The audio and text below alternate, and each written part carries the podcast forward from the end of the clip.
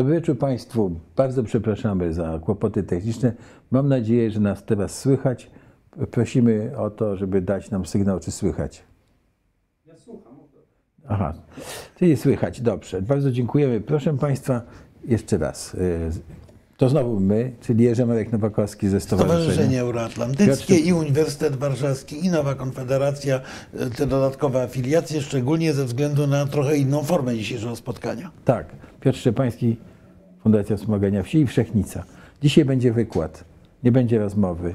Będzie wykład o polskiej polityce wschodniej ostatnich 30 lat. Zdecydowaliśmy się na to, ponieważ e, to był jeden z, no, z ważniejszych okresów, jakie, e, e, jeśli nie najważniejszy w ogóle w kształtowaniu się polskiej nie- niepodległości. I proszę Państwa, dużo się wtedy wydarzyło. Poza tym w tej chwili w Polsce trwa taka e, niezbyt mądra dyskusja na temat tego, kto w tym czasie e, e, e, lepiej służył czy podlizywał się e, Władimirowi Putinowi. E, e, No my w takim razie zwróciliśmy się do Marka Nowakowskiego o wykład, żeby po prostu podsumować, co się wydarzyło w ciągu tych ostatnich e, 30 lat. Proszę Państwa, formuła będzie następująca. Najpierw będzie wykład e, Marka Nowakowskiego, którego zaraz zostawię. Tutaj będzie mówił przez około e, do, do godziny, 40-50 do godziny. Potem wrócimy, żeby odpowiedzieć na Pańskie pytania. Także może ja będę miał jakieś pytania.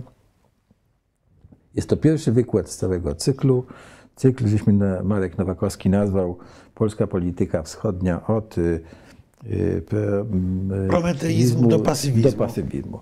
Tak. Proszę Państwa, tytułem wstępu tylko dwa słowa, że Polska prowadzi politykę zagraniczną oddania swojej państwowości. E, Pamiętamy to wszystko z historii, orzenki, przymierza, wojny, prawda, grody czerwińskie, na terenie których e, dzisiaj Ukraińcy przekraczają granice do Polski. E, mm, W 800 1989 roku upadł mocarstwa, mocarstwo, z którym Polska w postaci PRL, do którego należała i była temu pod- mocarstwu absolutnie podporządkowana. I zamiast jednego z państwa, tego właśnie Związku Socjalistycznych Republik Radzieckich, za naszymi granicami pojawiły się Litwa, Białoruś i Ukraina. I wydawało się, proszę Państwa, że jest to dobry okres dla różnych służb, żeby wzmóc y, różne spory terytorialne, ale to się nie stało. Tak? I, I Polska bardzo szybko uznała wszystkie te granice. Pamiętamy, y, myśmy w tym y, uczestniczyli, obserwowaliśmy to z bliska. Pamiętamy no, niemal wahadłową dyplomację ministra Skubiszewskiego, który w bardzo szybki sposób y, otoczył Polskę nowymi układami o granicy i nie chcę więcej mówić, żeby państw- Państwa nie zanudzać, ale na pewno służby rosyjskie marzyły o tym, żeby nie było tak łatwo wtedy. Tak? I nawet dzisiaj wiemy, widzimy to w propagandzie rosyjskiej, te wszystkie wysiłki takie zmierzające do tego, że prawda, że Polska chce zająć wschodnią Ukrainę z Lwowem, te komunikaty i tak dalej. No, Ukraińcy odpowiadają bardzo trafnie w internecie, ale jak, jak to mają zrobić, skoro my jesteśmy u nich, a ich czołgi z naszymi załogami u nas. No dobrze, Marku, oddaję Ci głos w takim razie i y, wracam, wracam jak skończysz. Bardzo dziękuję. E, Dziękuję tym z Państwa, którzy zechcieli oglądać to spotkanie. Ja powiem dwie rzeczy na początek. Rzecz pierwszą. Dlaczego teraz mówimy o polityce wschodniej, a właściwie to, co zawsze powtarzam o nod, wschodniej nodze polskiej polityki zagranicznej, bo jak zorientują się Państwo z całego wywodu, e, polska polityka wschodnia bez polityki zachodniej właściwie nie istnieje. To jest jednak jedna całość i nasza rola na wschodzie jest w dużej mierze powiązana z tą, którą mamy na zachodzie i odwrotnie. Ale dlaczego dzisiaj? Otóż po pierwsze, po 24 lutego, po e, otwartej rosyjskiej napaści wojennej na Ukrainę, mamy niewątpliwie następny rozdział historii w tej, tej polityki otwarty, czyli można podsumowywać te poprzednie, które, e, które były. E, Po drugie, tak się zdarzyło, że w ciągu ostatnich tygodni zmarły dwie osoby z tej fotografii, którą Państwo e, zobaczycie. To jest fotografia przedstawiająca spotkanie w Wiskulach, bo dokładnie rzecz biorąc, e, w roku 1989 to myśmy odzyskali suwerenność czy niepodle niepodległość. Natomiast Związek Sowiecki rozpadł się w grudniu roku 1991. To jest właśnie fotografia z tego spotkania. No i tak się złożyło, że w ostatnich dniach dosłownie zmarło dwóch z trzech sygnatariuszy tego spotkania. Borys Jelcyn odszedł dużo wcześniej, już kilkanaście lat temu, natomiast 3 maja zmarł Stanisław Szuszkiewicz, a trzy dni, trzy dni przed naszym dzisiejszym spotkaniem zmarł były prezydent Ukrainy Leonid Krawczuk. Czyli można powiedzieć, że też w jakiś symboliczny sposób został zamknięty ten, żeby odwołać się do sformułowania Jacka Kurenia, gwiezdny czas, e, e, który zapoczątkowało rozwiązanie Związku Sowieckiego na spotkaniu w Puszczy Białowieskiej.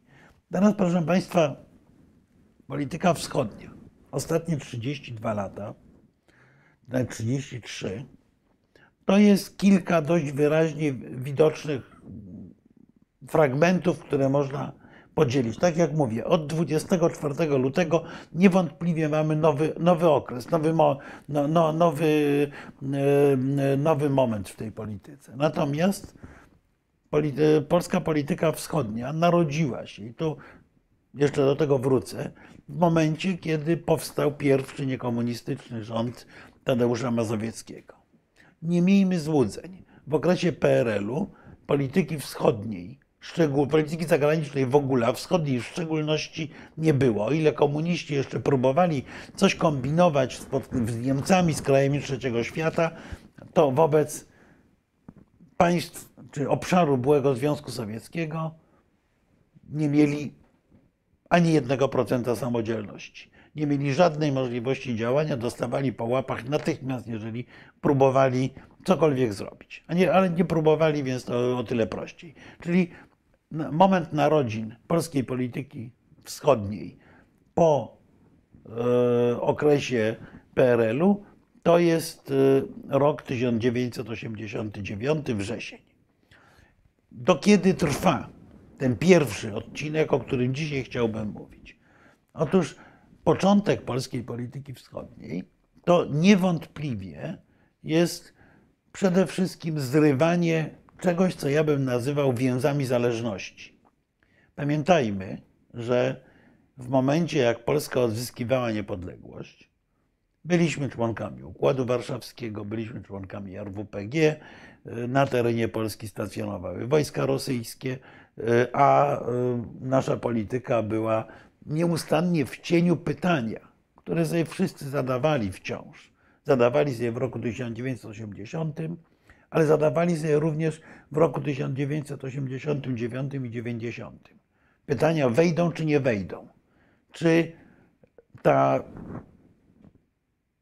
jesień ludów, jak nazwano potem Y, drugą połowę roku 1989 nie zostanie brutalnie przerwana wojskową interwencją sowiecką. I można powiedzieć, że dopiero zerwanie tych więzów zależności, wyjście wojsk obcych z terenu Polski, ale nie tylko Polski, bo również innych krajów bloku, bloku socjalistycznego, zamknęło ten pierwszy okres. Okres niesłychanie interesujący, okres chyba najbardziej twórczy w polskiej polityce wschodniej. Potem mamy czas, kiedy polski okręt polityki zagranicznej wyraźnie zwraca się na Zachód. Po zerwaniu więzów zależności chcemy zarzucić kotwicę w świecie Zachodu, bo wciąż jeszcze wobec Rosji, wobec także innych partnerów. Tu będę opowiadał o bardzo ciekawych propozycjach i rozmowach władz, ze strony władz ukraińskich na przykład.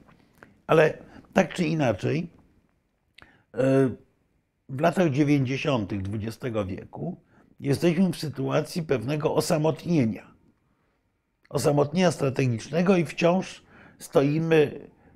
jako słaba, dużo słabsza niż teraz, pamiętajmy, gospodarczo, militarnie, jako słaba Polska wobec krzepnącej coraz bardziej Federacji Rosyjskiej i wobec całkiem solidnych, silnych państw, jakimi były, jakby, jakimi były kraje sukcesyjne Związku Sowieckiego.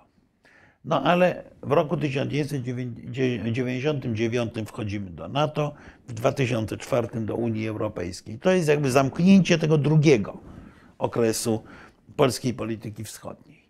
Tutaj mamy solidną kotwicę na Zachodzie, mamy oparcie wśród, w sojusznikach, możemy nareszcie spróbować prowadzić politykę partnerstwa. I trzeci taki wycinek tej polityki niepodległej Polski wobec Wschodu, to jest właśnie próba budowania partnerstwa. Próba budowania partnerstw, bo będziemy na przykład próbowali dogadać się z Rosjanami. Między innymi pojawia się tam wtedy ta słynna sprawa resetu, który jest bardzo często krytykowany, czy próby resetu z Rosją. No ale ten krótki moment poszukiwania partnerstwa kończy się wraz z napaścią Rosji na Gruzję, tak naprawdę, a ostatecznie wraz z napaścią Rosji na e, Ukrainę w roku 2014. No i mamy ten moment, który ja określam mianem pasywizmu właśnie politycznego, kiedy uczciwie mówiąc, chyba nie bardzo mamy pomysł na to, co zrobić z tym wschodem. Pojawia się wtedy koncepcja partnerstwa wschodniego, owszem, ale Polska wyraźnie obniża swoją aktywność, a z drugiej strony zderza się z pewnym chłodem ze strony partnerów na e, wschodzie. Także tak bym podzielił ten, ten czas y, polskiej polityki wschodniej w ostatnich trzech dekadach. No i wypada cofnąć się co nieco w czasie, no bo ta polityka, która rozpoczyna się wraz z objęciem premierostwa przez Tadeusza Mazowieckiego, wraz z objęciem steki ministra spraw zagranicznych przez Krzysztofa Skubiszewskiego, z czegoś wyrastała. Z czego? Otóż, kiedy użyłem w tytule, czy zaproponowałem, abyśmy w tytule naszych spotkań mieli e, słowo prometeizm, no to usłyszałem komentarz, że kto dziś pamięta o prometeizmie? No rzeczywiście mało kto pamięta o prometeizmie, a prometeizm to była idea, która narodziła się w okresie międzywojennym w otoczeniu marszałka Piłsudskiego i w ogromnym, chyba za dużym nawet skrócie, polegała ona na tym, że Polska wspierała ruchy odśrodkowe, ruchy narodowe w krajach Związku Sowieckiego, ponieważ uważała, twórcy ruchu prometejskiego uważali, że tylko, jak to wówczas mówiono, pęknięcie Związku Sowieckiego po szwach narodowościowych może stanowić realną gwarancję, zabezpieczenie przed potencjalną sowiecką agresją na Polskę. Prometeizm, nazwa wzięła się od czasopisma Prometeusz, wydawanego w latach dwudziestych w Paryżu, ale przy udziale między innymi Polaków, przy udziale emigracji gruzińskiej, azerskiej, ukraińskiej, yy, która uciekała ze Związku Sowieckiego. E, prometeizm e, ewoluował, niemniej był fundamentem, na którym powstała najważniejsza chyba koncepcja emigracyjna polityki wschodniej, czyli koncepcja Jerzego Giedroycia. To nie był już czysty prometeizm, to były inne warunki zupełnie po II wojnie światowej, ale była to koncepcja z prometeizmu wyrastająca. Jerzy Giedroyć, Juliusz Mieroszewski, Jerzy Stępowski, czyli ludzie z kręgu paryskiego miesięcznika Kultura, z kręgu Instytutu Literackiego w Paryżu, e, nieustannie powtarzali dwie rzeczy. jedną, oczywistą, czyli że nie można myśleć o odzyskaniu przez Polskę niepodległości, jeżeli nie zacznie rozpadać się Związek Sowiecki. Wobec tego powinniśmy być w możliwie najlepszych relacjach z ruchami narodowymi Ukraińców, Litwinów, y, Gruzinów, y, narodów Azji Środkowej, Białorusinów. I druga rzecz, którą, która była pewną nowością postawioną przez Giedroycia i Mieroszewskiego. Początkowo obaj panowie byli z tego powodu zresztą y, uznawani za zdrajców, odstępców od sprawy polskiej i tak dalej.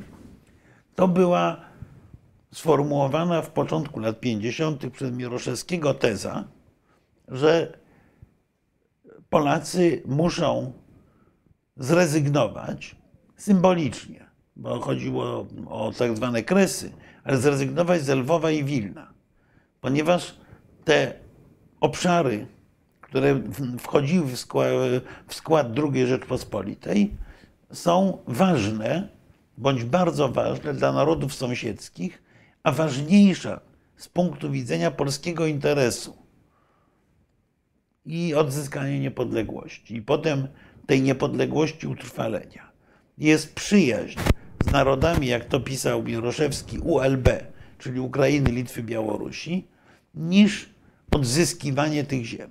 A pamiętajmy, że duża część polskiej emigracji w Londynie, w Paryżu, w Stanach Zjednoczonych, to była emigracja pochodząca właśnie z owych kresów wschodnich. Dlatego, że przecież armia Andersa, która stanowiła trzon tych środowisk emigracyjnych, armia Andersa była złożona z ludzi przede wszystkim pochodzących z tych terenów. Więc było im bardzo trudno powiedzieć, rezygnujemy. Ale w gruncie rzeczy, o ile w początku lat 50.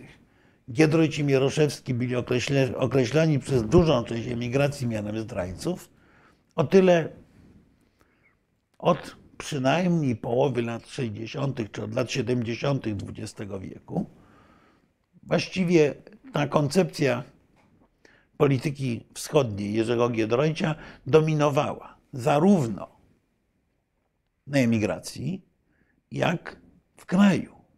Bo pamiętajmy, że o ile władze komunistyczne praktycznie nie mogły prowadzić polityki wschodniej, ponieważ mało kto pamięta, jaki był poziom e, zależności komunistów od Sowietów. A szczególnie sowieckie KGB pilnowało relacji polsko-ukraińskich. Przez cały okres PRL-u w rezydenturze czy w delegaturze KGB w Polsce był specjalny oficer odpowiedzialny tylko za obserwowanie relacji polsko-ukraińskich, zarówno Polaków z Ukraińcami na terenie Rzeczpospolitej, jak Polaków z Ukrainą. Pamiętajmy również o tym, że Związek Sowiecki bardzo skrzętnie dbał o to, iżby kontakty pomiędzy Polską a Polską i Polakami, a mieszkańcami Związku Sowieckiego były ograniczone i limitowane. Mieliśmy dwa czynne przejścia graniczne tylko w Przemyślu i w Brześciu. Inaczej mówiąc, to sobie ktoś mało te, nie bardzo może teraz wyobrażać. Jeżeli ktoś podróżował na przykład do Wilna, a pamiętajmy, że tam cały czas była duża grupa Polaków i, i mnóstwo ludzi miało rodziny, otrzymywało zaproszenia, to musiał jechać przez Brześć, bo nie było bezpośredniego przejścia granicznego.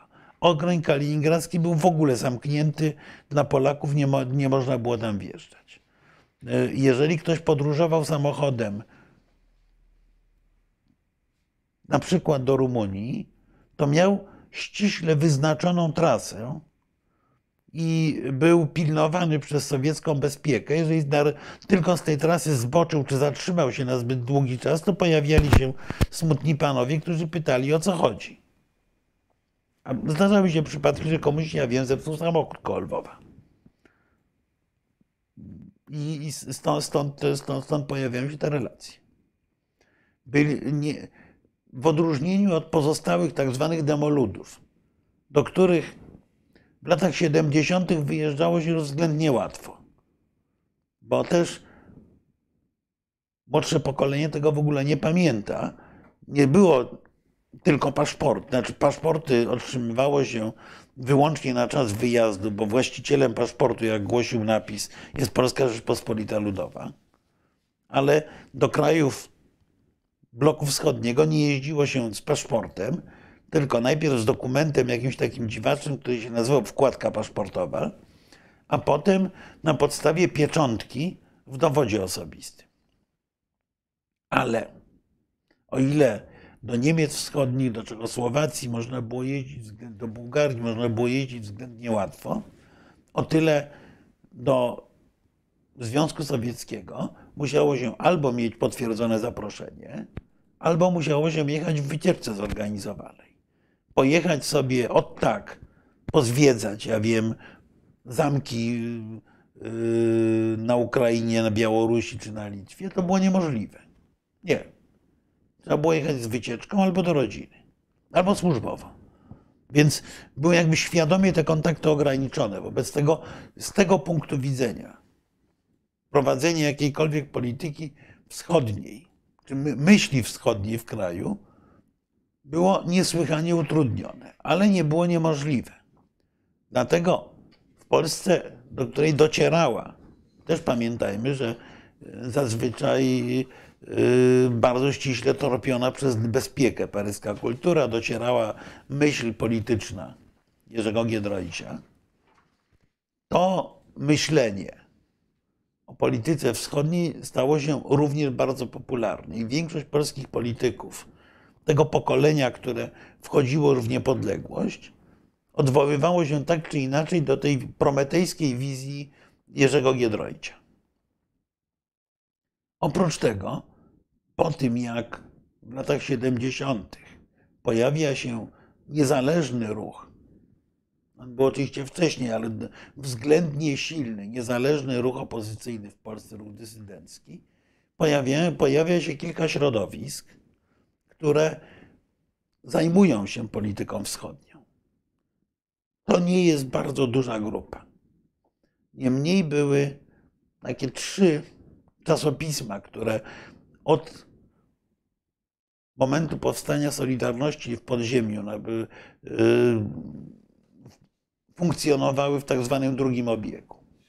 Jedno z nich to było czasopismo o nazwie ABC. ABC był to skrót od czegoś, co wydaje się być nową, no, nowym pomysłem, od Trójmorza, Adriatyk, Bałtyk, Morze Czarne, ABC. I redaktorami tego czasopisma był późniejszy prezydent Bronisław Komorowski i późniejszy wielokrotny ambasador Andrzej Krawczyk. Drugie środowisko to było środowisko skupione wokół czasopisma Obóz. Obóz, no bo funkcjonowało sformułowanie obóz y, socjalistyczny i problemom tego obszaru to czasopismo było poświęcone. Jego redaktorami był nieżyjący już Andrzej Ananicz, wielokrotny wiceminister spraw zagranicznych, wybitny znawca problematyki wschodniej i bliskowschodniej, oraz obecny dyrektor Studium Europy Wschodniej Uniwersytetu Warszawskiego Jan Malicki.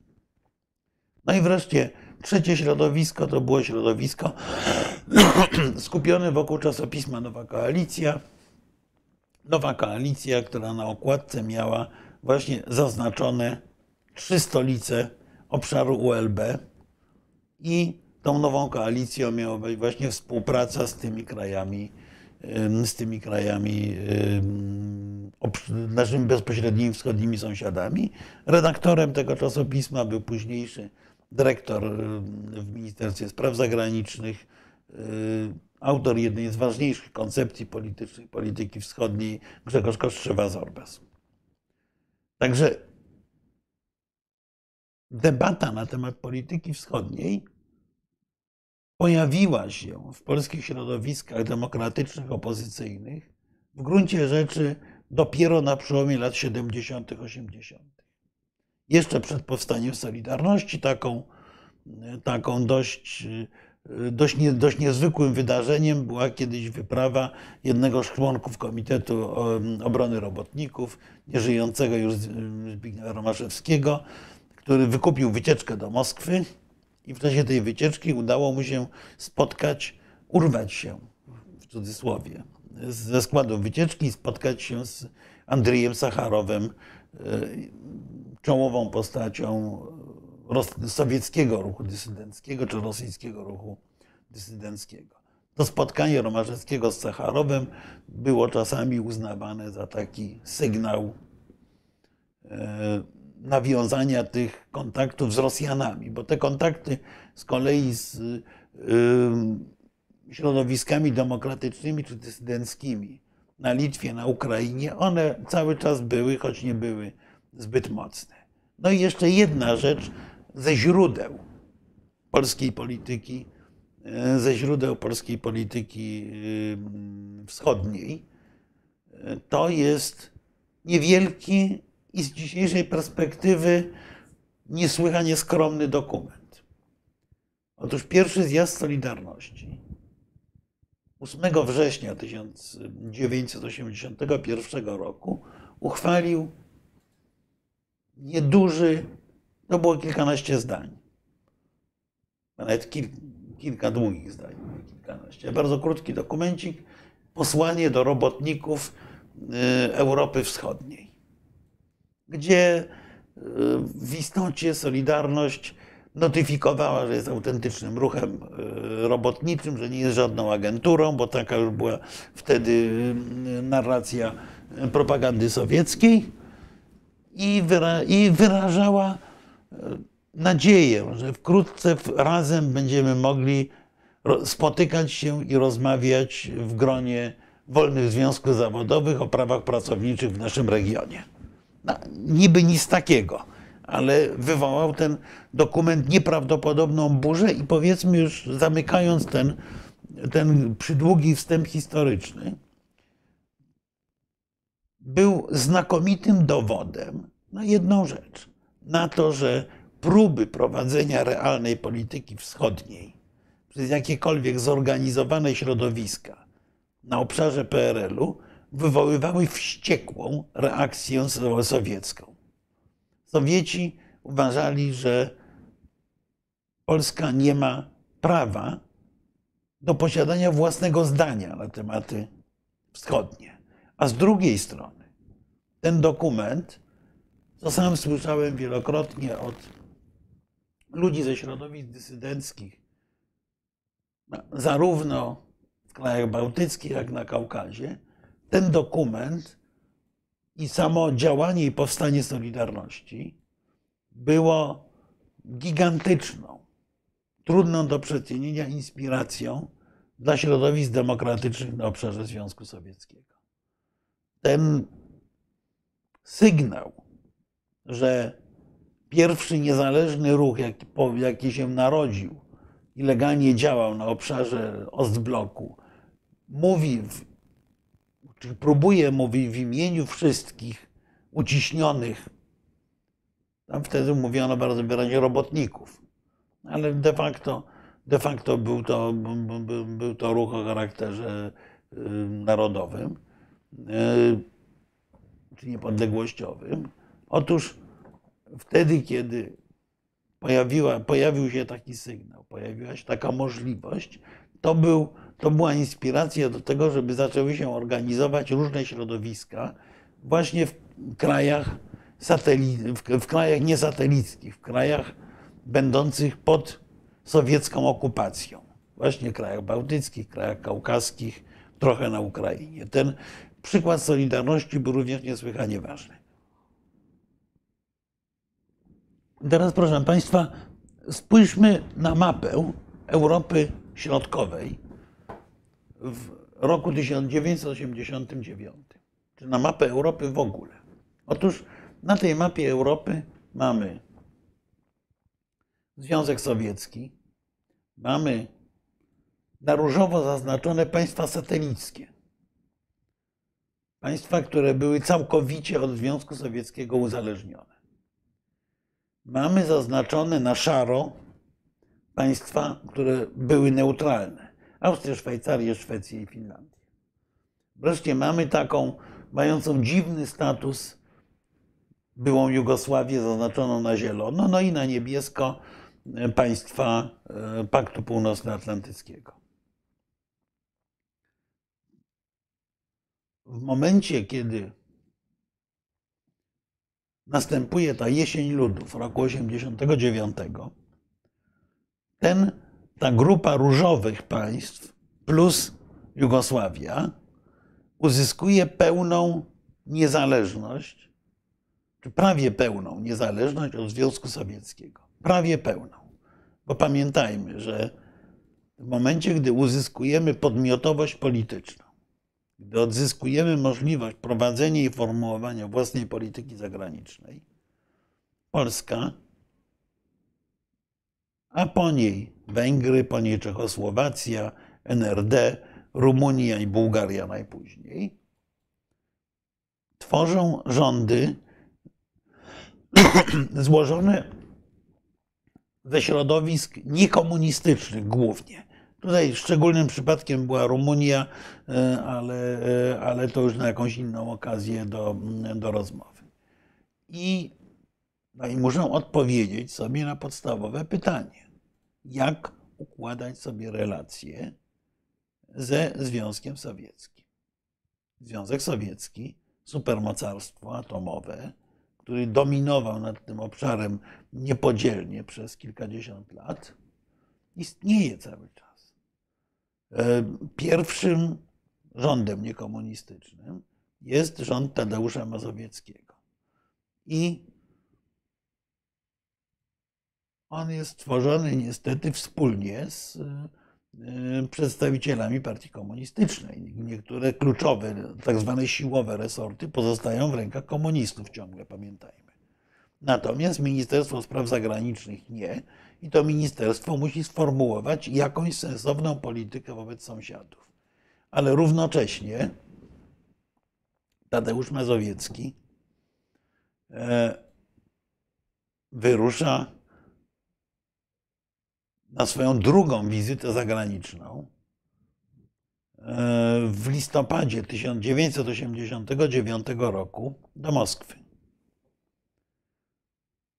No, bardzo wiele wspomnieniowych relacji premiera Mazowieckiego y, i niesłychanie kwieciste opowie opowieści y, jego, y, jego ministrów, przede wszystkim Małgosi Zabitowskiej, która była rzeczniczką prasową tego rządu, są o, o restauracji w Praha w Moskwie, o balu, którym tam tańczyli i tak dalej. Ale teraz Mało kto pamięta, od czego zaczęła się wizyta Mazowieckiego w Moskwie. Otóż wizyta Mazowieckiego w Moskwie, Moskwie Pierestrojki, Moskwie Gorbaczowa, to jest Moskwa mm, najbardziej przyjazna chyba e, e, temu rządowi, jaką sobie można było wyobrazić.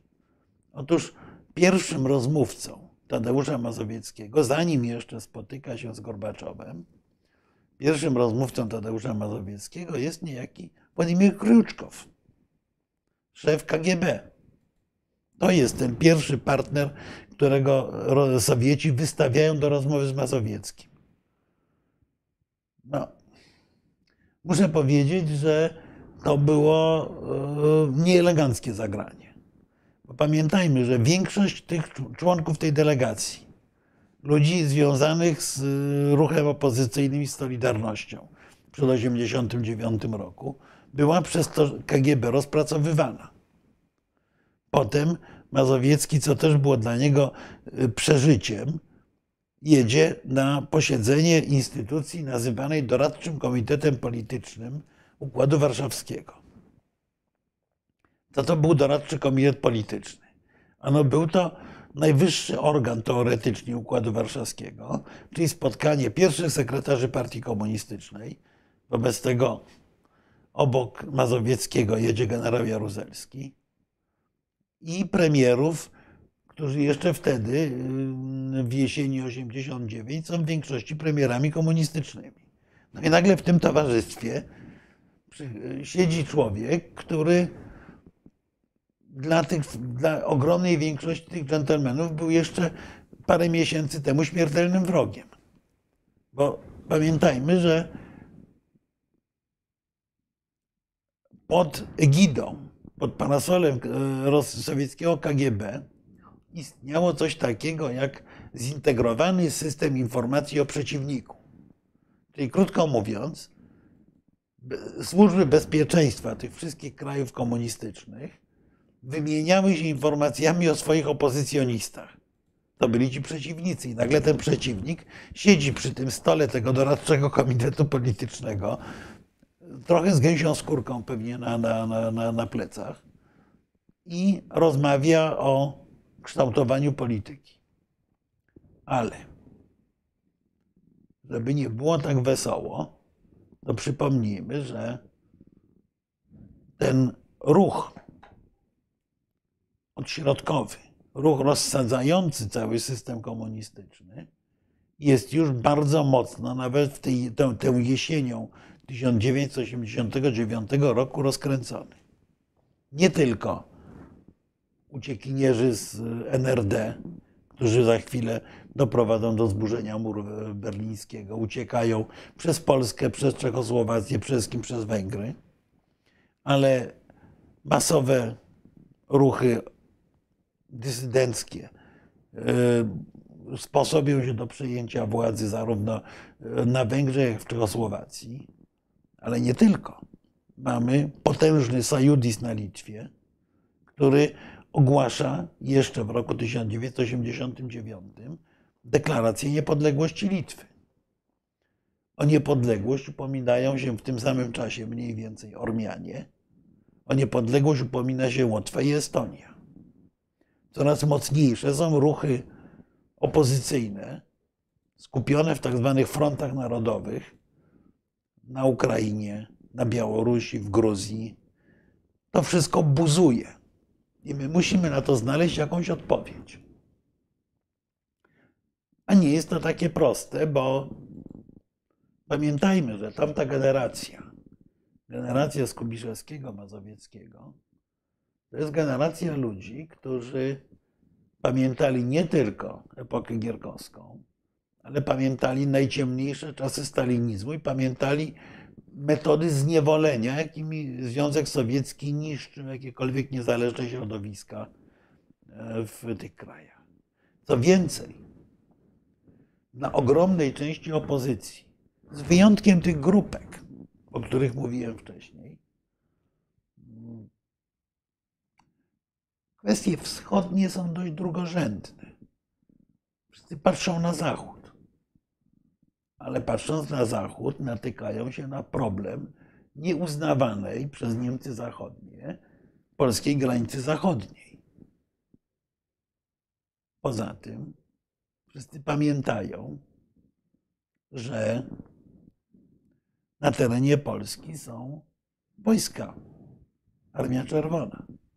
Związek Radziecki yy, do tej, do, do, do tej mapy, proszę Państwa, jeszcze wrócimy na końcu, bo to jest, to, to, to był symbol uzależnienia, a ja bym e, chciał skończyć dzisiejszy, dzisiejszy wykład właśnie na tym momencie, kiedy oni decydują się na wyjście.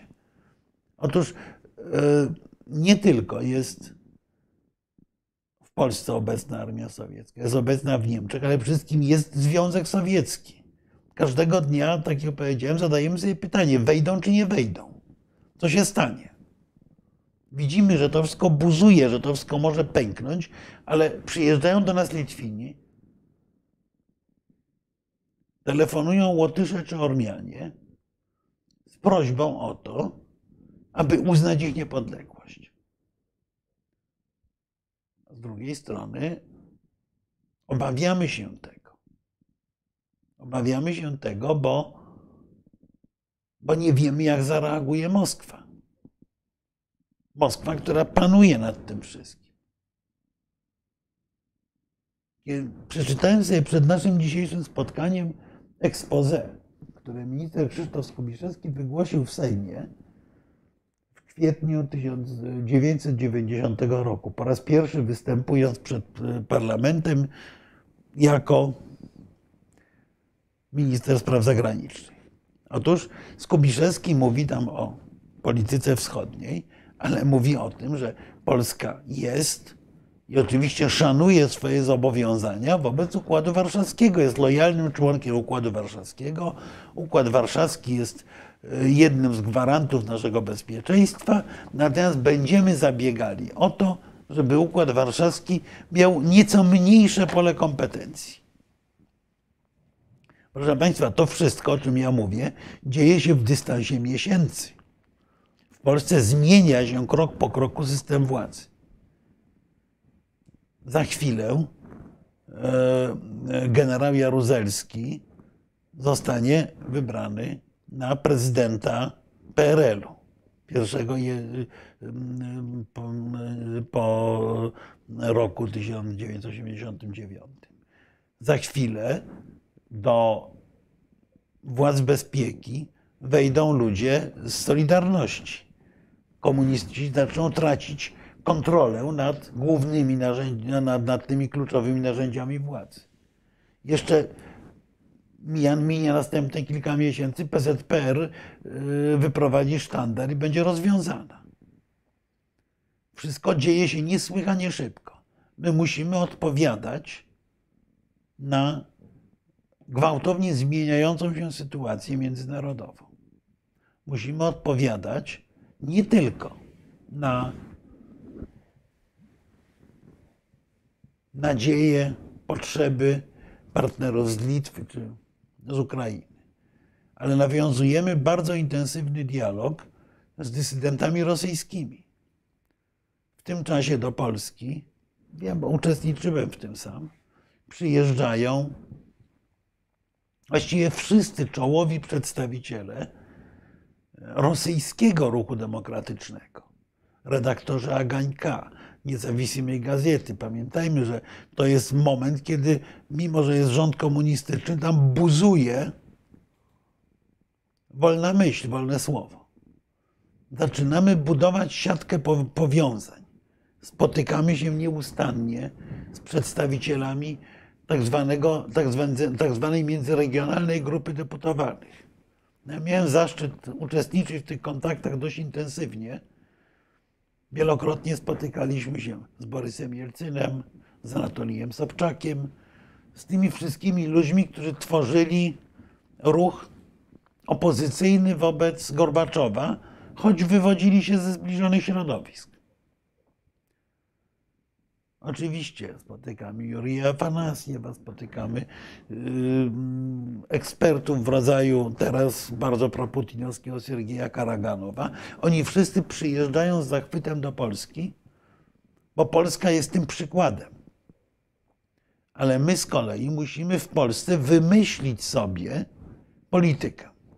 I właśnie głównie pomysł był Grzegorza Kostrzewy-Zorbasa, Natomiast wykonanie, to było wykonanie Krzysztofa Skubiszewskiego, w tym, na tym, w tym pierwszych latach, w roku 1990-91 zaczynamy prowadzić politykę dwutorowości.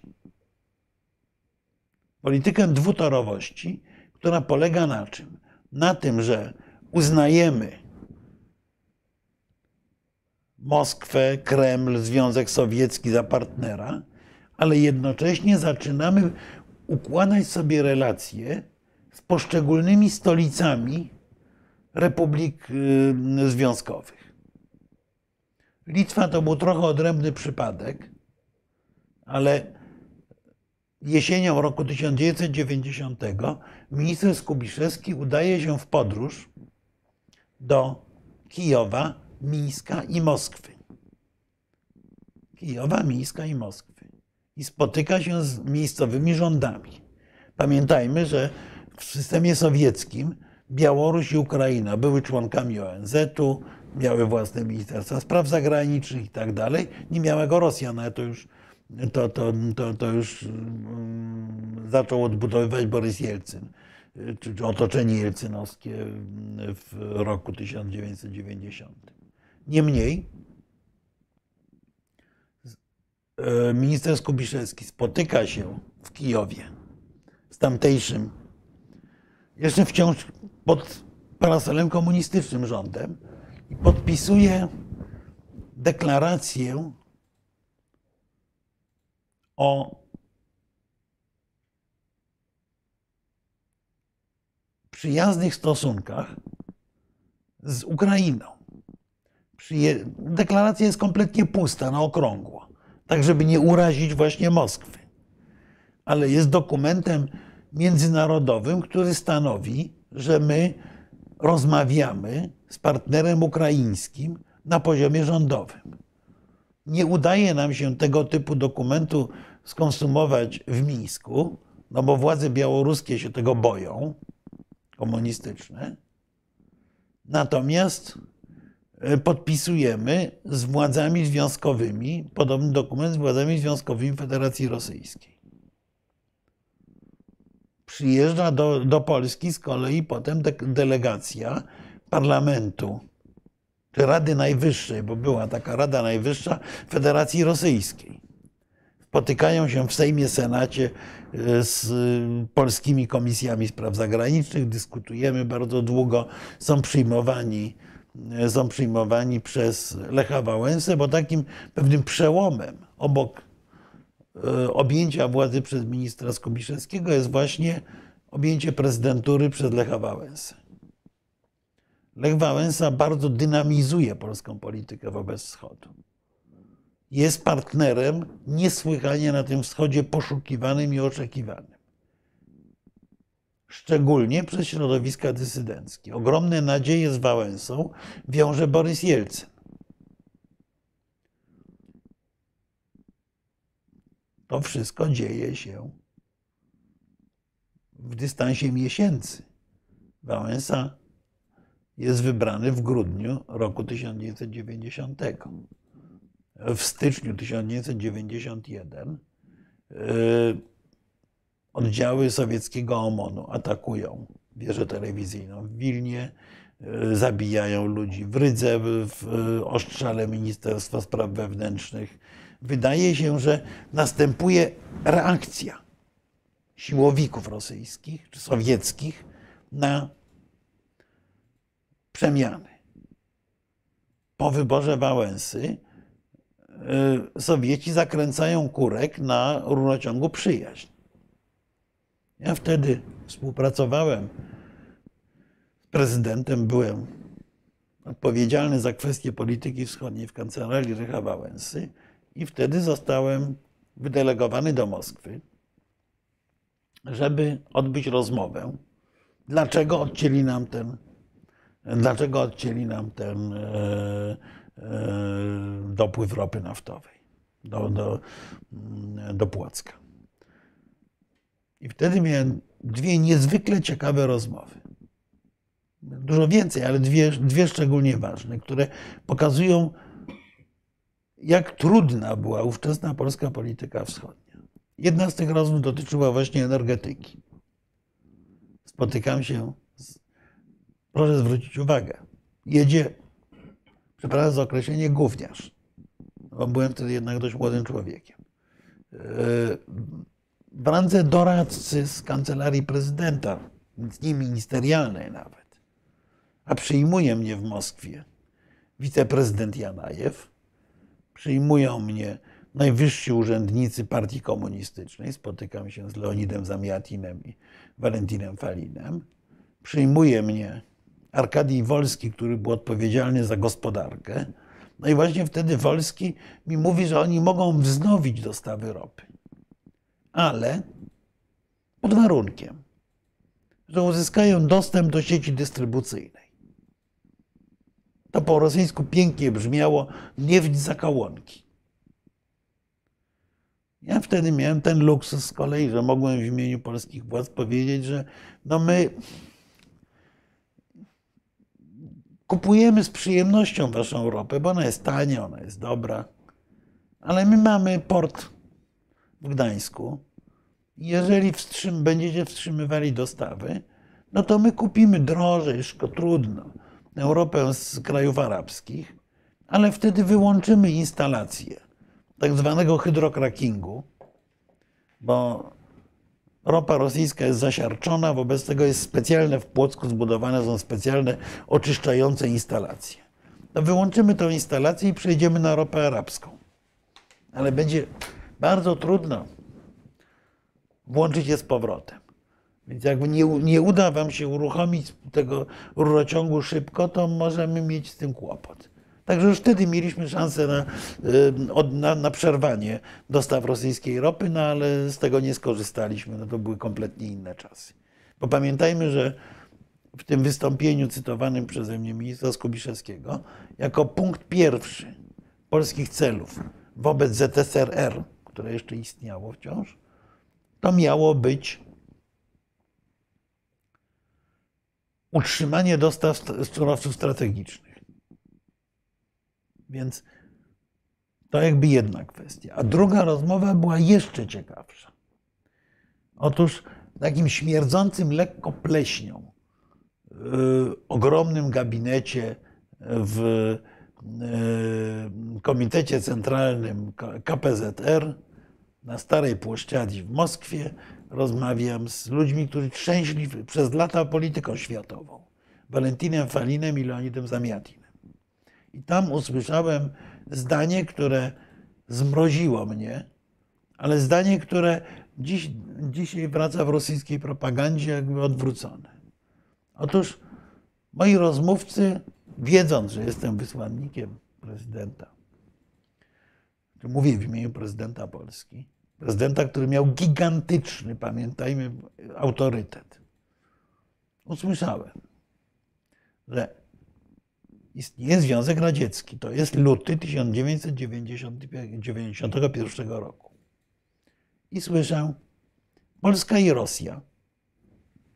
Zaszczypłem uszami, jaka Rosja. Ale Polska i Rosja, słyszę od Zamianina.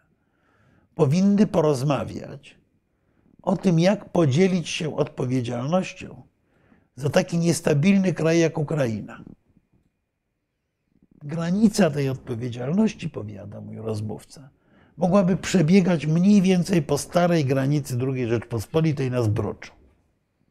Czyli już wtedy komuniści i kagiebiści, no bo przecież to były ściśle zamosklejone instytucje, myślą o tym, jak doprowadzić do rozbioru Ukrainy. Wtedy, w 1991 roku XX wieku. Więc Polska musiała na tego typu dylematy odpowiadać. I odpowiedź w postaci polityki dwutorowości była odpowiedzią nowatorską, była odpowiedzią, na którą z kolei ci starzy kagiebowcy nie bardzo mieli realną reakcję bo uznawaliśmy ich kremlowską władzę, ale z drugiej strony byliśmy w ciągłym dialogu z liderem rosyjskich opozycjonistów Borysem Jelcynem, z liderami Ludowego Ruchu Ukrainy, ale również władzami ukraińskimi także coraz bardziej poszerzającymi swoje, swoje e, e, możliwości działania i pewną odrębność, byliśmy w dialogu z władzami demokratycznymi na Białorusi. Właśnie ze zmarłym niedawno Stanisławem Szuszkiewiczem. Bo ile w rzeczywistości na Białorusi dominował dominowali komuniści, to głową państwa był profesor, demokrata, no, człowiek o, o, o wspaniałej, takiej, powiedzielibyśmy po polsku, wielkiej zacności. Byliśmy w nieustannym kontakcie z Sajudisem na Litwie, z Wytautasem Landsbergisem. To były trudne rozmowy, bo Litwini się nas bali. Ale bali się nas również Białorusini. Bo pamiętajmy, że propaganda sowiecka sączyła do głów również elit politycznych tę wizję pańskiej Polski, rewanżu polskiego, tego, że Polacy odbiorą jakieś terytoria. Wobec tego musieliśmy robić trzy rzeczy naraz. Po pierwsze, uspokajać Kreml, żeby nie wpadł ktoś na pomysł wysłania nam desantu wojsk e, rosyjskich na Warszawę i usunięcia władz. musieliśmy budować przyjazne relacje z aktualnymi władzami poszczególnych republik, wzmacniając ich poczucie niepodległości. Jednocześnie musieliśmy tonować obawy, bo Litwini przy każdym spotkaniu i rządowym, i nieoficjalnym wracali do stwierdzenia: nie odbierajcie nam Wilna. Bo na Ukrainie była cały czas obawa, że Polacy będą chcieli Lwowa. Jak Lech Wałęsa jechał z wizytą do Kijowa, pierwszą, to władze ukraińskie stawały na głowie, żeby nie odwiedził Lwowa. Końcu pojechaliśmy do Lwowa. Prezydent Wałęsa odwiedził Lwów.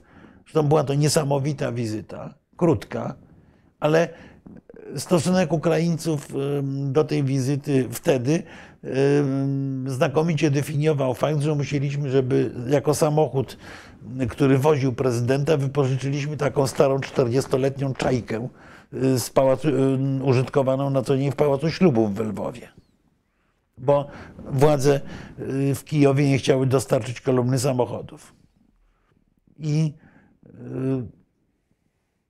ten dialog musiał być dialogiem wieloelementowym, jednocześnie biorąc pod uwagę rzecz jeszcze jedną, mianowicie postawę naszych partnerów na Zachodzie.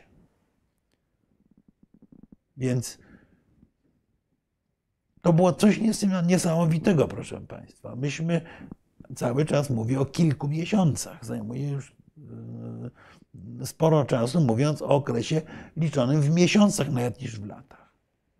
My musieliśmy prowadzić trzy równoległe dialogi, które nie mogły być ze sobą sprzeczne, a jednocześnie nie mogły, nie mogły e, wzajemnie urażać uczuć różnych, bardzo różnych i bardzo różnie myślących środowisk.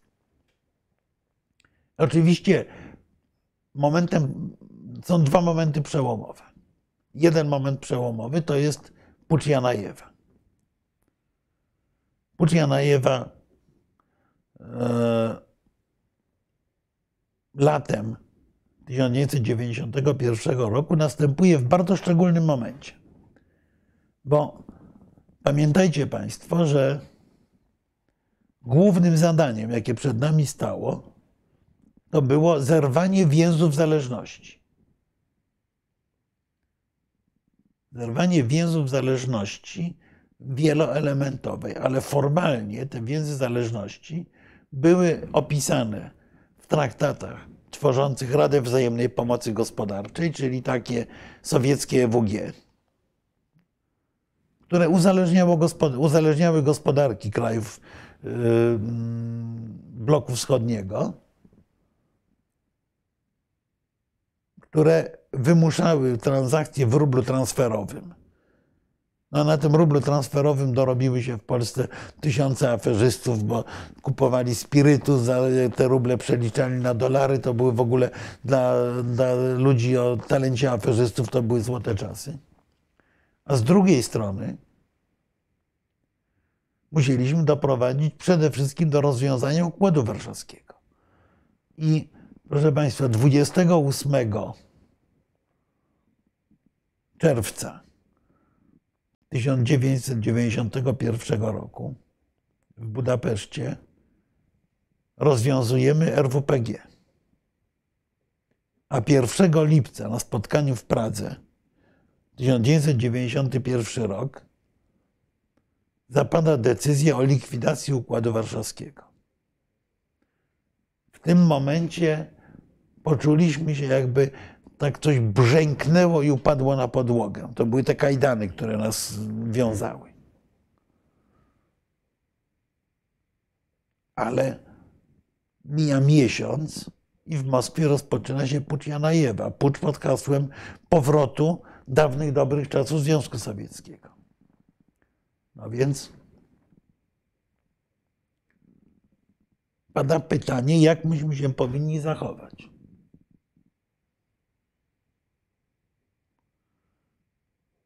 Jesteśmy w niesłychanie trudnym momencie historii. Wałęsa spotyka się ze wszystkimi. Od ludzi takich jak komunistyczni generałowie, po liderów najbardziej twardych skrzydeł e, Solidarności. Zastanawia się, co zrobić. I postanawia zaczekać. Rozważa, czy nie wykonać telefonu do Janajewa.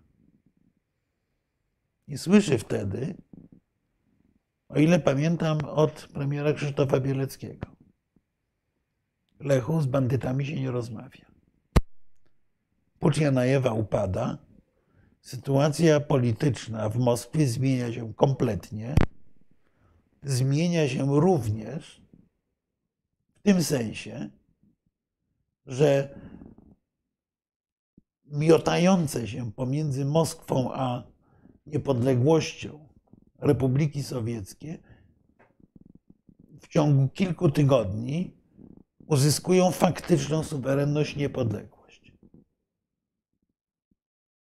Świat, w tym Polska, błyskawicznie uznaje niepodległość państw bałtyckich,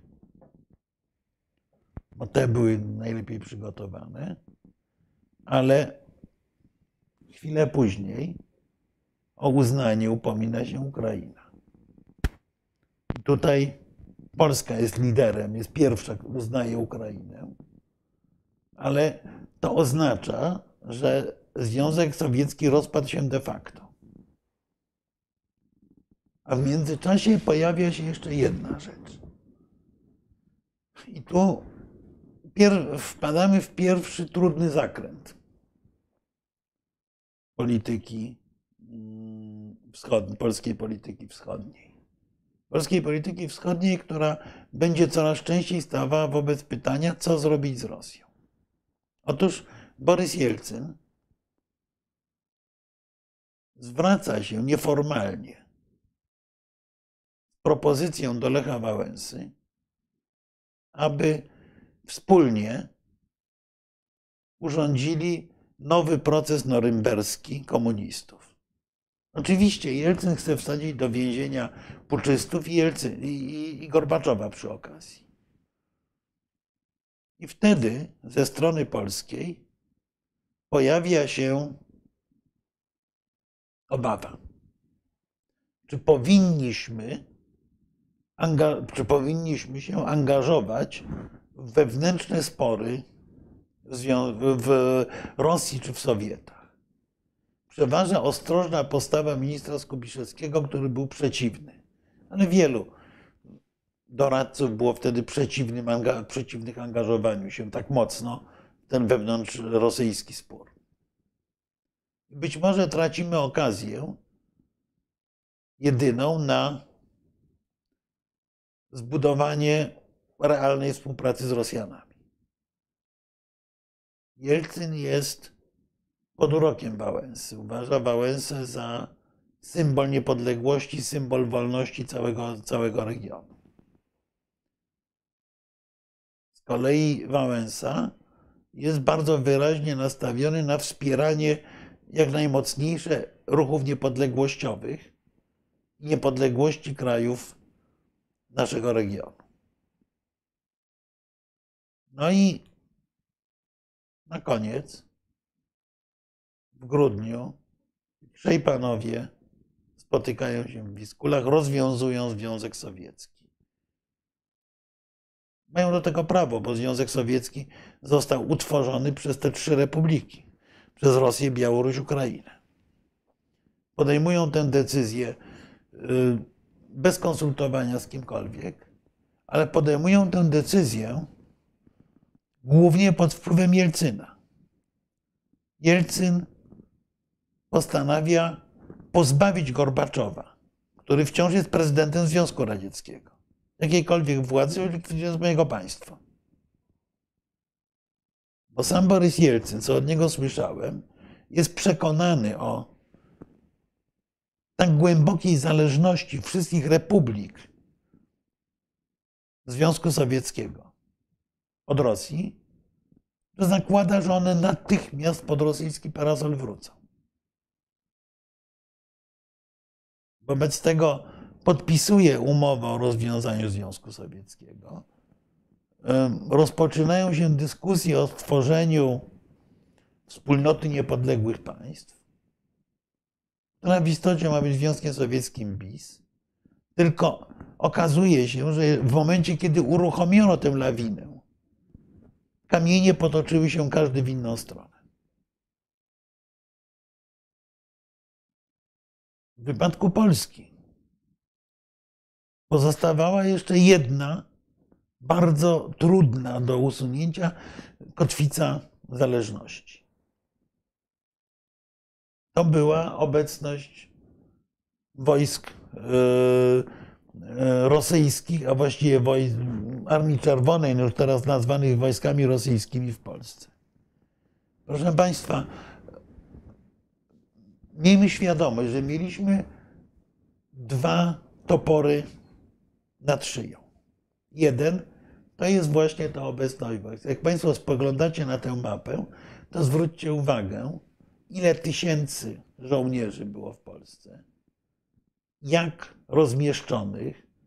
To, że mieliśmy cztery miejsca, w których stacjonowała broń atomowa, że mieliśmy kilka miejscowości, które były de facto prawie, prawie rosyjskimi, ze słynną legnicką Małą Moskwą włącznie. I że te wojska mogły w każdej chwili dokonać puczu zbrojnego w Polsce.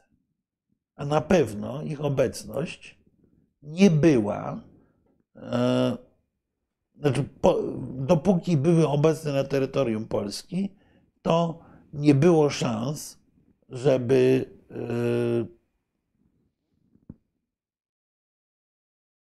mówić o sobie, że jesteśmy krajem w pełni niepodległym. I mieliśmy jeszcze drugi topór nad szyją. Tym drugim toporem były wojska rosyjskie obecne na terytorium dawnej Niemieckiej Republiki Demokratycznej. To były piekielnie trudne rozmowy polsko-rosyjskie. Już właśnie polsko-rosyjskie po rozpadzie Związku Sowieckiego na temat transportu żołnierzy rosyjskich z Niemiec wschodnich do, do Rosji. Żeby Państwo mieli świadomość skali. Armia rosyjska w NRD liczyła 337 tysięcy żołnierzy, około 4 tysięcy czołgów, ponad 200 tysięcy personelu cywilnego. W tym personelu cywilnym był no, taki skromny urzędnik pracujący w Lipsku, niejaki Władimir Putin również. Ale to już szczegół. Natomiast to jest pół miliona ludzi, to są tysiące czołgów, dziesiątki tysięcy samochodów i strona rosyjska przychodzi i mówi, że oni tutaj właśnie wytyczyli dwie trasy przez Polskę, którymi będą jechali. Na to myśmy powiedzieli nie, nie. Nie zgadzamy się na transport kołowy. Możecie przejechać w zabezpieczonych, strzeżonych pociągach w sposób i czasie uzgodnionym z nami. A resztę możecie transportować drogą morską. Na co w pewnym momencie polscy negocjatorzy usłyszeli, że e, no jeżeli się nie zgodzicie, to przejdziemy siłą. To zgrzytało. Ale nasz upór, bardzo trudne negocjacje doprowadziły do tego, że te wojska transportowane z Niemiec wschodnich były właściwie nie były kłopotem. Miejcie Państwo świadomość, że to były setki tysięcy ludzi, dziesiątki tysięcy sprzętu. Dodajmy, że jeszcze w tym sprzęcie był, zdaje się, e, było sporo na przykład kradzionych samochodów, różne tego typu zabawki też tam się pojawiały. E, były, e, jakaś gigantyczna kontrabanda też jechała. No ale dobrze. Jakoś to zadziałało. Ale strona rosyjska miała bardzo ograniczony entuzjazm do tego, żeby e, zgodzić się na wycofanie swoich wojsk z Polski. Robili trudności. Bo już wokół Jelcyna zaczyna krzepnąć grupa ludzi, którzy myślą o Rosji w kategoriach imperialnych i naciskają. Umownie zwana grupą Primakowa. Rozstawia opór przed tego typu zmianami. Lech Wałęsa jedzie z pierwszą wizytą do Moskwy. Jest maj 1992 roku. Też miałem okazję być przy tej wizycie. I Wałęsa niezwykle sprytny, w niezwykle sprytny sposób przekonuje, czy zmusza właściwie rosyjskich generałów do powiedzenia zgoda, kiedy zadaje Jelcynowi pytanie o wycofanie wojsk rosyjskich z Polski. Uroczyście Borys Jelcyn z Lechem Wałęsą podpisują dokumenty w obecności kamer, w obecności dyplomatów, delegacji, podpisują dokumenty o wyjściu wojsk rosyjskich w Polsce. Wszyscy, wszyscy jak wszyscy, ale ci, którzy pamiętają, to pamiętają tę scenę na Kremlu. Otóż oni niczego wtedy nie podpisali. Podpisali puste kartki. Negocjacje cały czas trwały i ostatecznie dokumenty o wyjściu wojsk rosyjskich z Polski zostały podpisane w kuchni kremlowskiej przed ostatnim przyjęciem pożegnalnym, które wydawał Jelcyn dla, dla Lecha Wałęsy. Skądinąd to taka zabawność. Delegacja ścisła prezydenta mieszkała wtedy na Kremlu. I ówczesny kapelan e, Lecha Wałęsy, ksiądz Cybula, odprawił, nieżyjący już, odprawił mszę świętą w kaplicy, e, przy, tworząc kaplicę przy tych pomieszczeniach recepcyjnych, gdzie mieszkał Wałęsa, nie mając świadomości, że jest to pierwsza msza katolicka na Kremlu po wypędzeniu Polaków stamtąd w 1612 roku ale to drobiazg. Bo pamiętajmy, że właśnie poruszamy się jeszcze w sferze jeszcze tych symboli. Tych symboli związanych z dawniejszą historią. Więc w maju 1992 roku zapada decyzja o wycofaniu wojsk rosyjskich. Rosjanie robią to powoli, niechętnie. Znowu gdzieś tam wylatują samoloty z kontrabandą, różne dziwne rzeczy. Dobrze ale koniec końców zachowują się w sposób niesłychanie elegancki, bo 17 września 1993 roku ostatnia grupa żołnierzy rosyjskich jest żegnana w Belwederze. Rosjanie opuścili Polskę. W tymże 1993 roku dzieje się rzecz jeszcze jedna. Przyjeżdża do Warszawy Borys Jelcyn. Borys Jelcyn nie tylko płacze pod pomnikiem katyńskim na Powązkach. Pamiętamy ten obraz. Ale Borys Jelcyn odbywa bardzo trudną rozmowę. Myślę, że jest jeszcze za wcześnie, żeby mówić o pewnych jej szczegółach. Wciąż jest za wcześnie. Bardzo trudną rozmowę z Lechem Wałęsą, w wyniku której na konferencji prasowej prezydent Rosji stwierdza, że Federacja Rosyjska nie ma nic przeciwko rozszerzeniu, wstąpieniu Polski do NATO. To jest ten moment. Obok, prawie w tym samym czasie to się odbywa. Obok tej, tej, tej, tego pożegnania ostatnich żołnierzy rosyjskich to jest ten moment, w którym zostaje uruchomiona maszyneria rozszerzenia NATO. W tym momencie, krótkim czasie, bo po miesiącu ówczesny minister spraw zagranicznych Jewgenij Primakow wysyła depesze do państw zachodnich, że Rosja się nie zgadza na rozszerzenie NATO. Ale przez te półtora miesiąca od wizyty Jelcyna do tej depeszy Primakowa, kiedy trwa dzika awantura na Kremlu, tym czasie zaczynają pracować machiny y, natowskiej biurokracji. Zaczyna się proces dyskusji o rozszerzeniu sojuszu, który, który już nie będzie na szczęście możliwy do zatrzymania.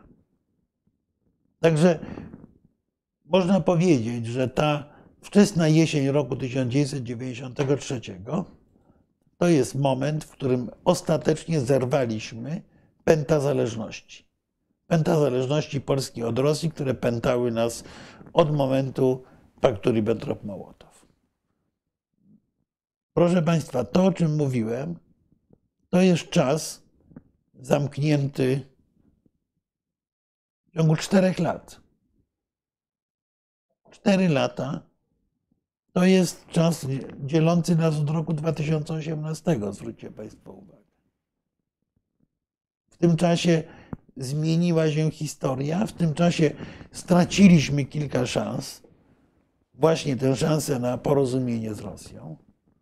W tym czasie, podczas wizyty prezydenckiej w Kijowie, Leonid Krawczuk występuje z projektem tak naprawdę nowego sojuszu militarnego, który miał obejmować Polskę, Ukrainę, kraje Europy Środkowej.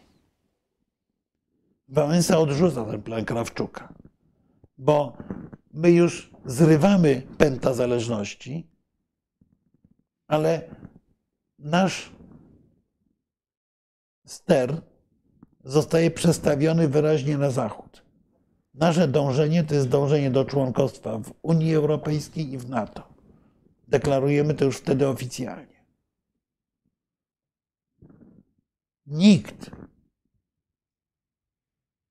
jeszcze w sierpniu roku 1989 nie wyobrażał sobie, jak bardzo to wszystko się zmieni.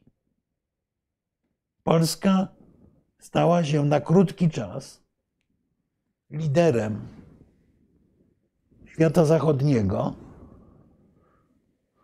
kreowaniu polityki wobec Wschodu. Nagle okazało się, że wbrew analitykom amerykańskim, francuskim, to myśmy mieli rację. To nasza polityka dwutorowości okazała się być polityką proroczą, polityką dostosowaną do nowych realiów.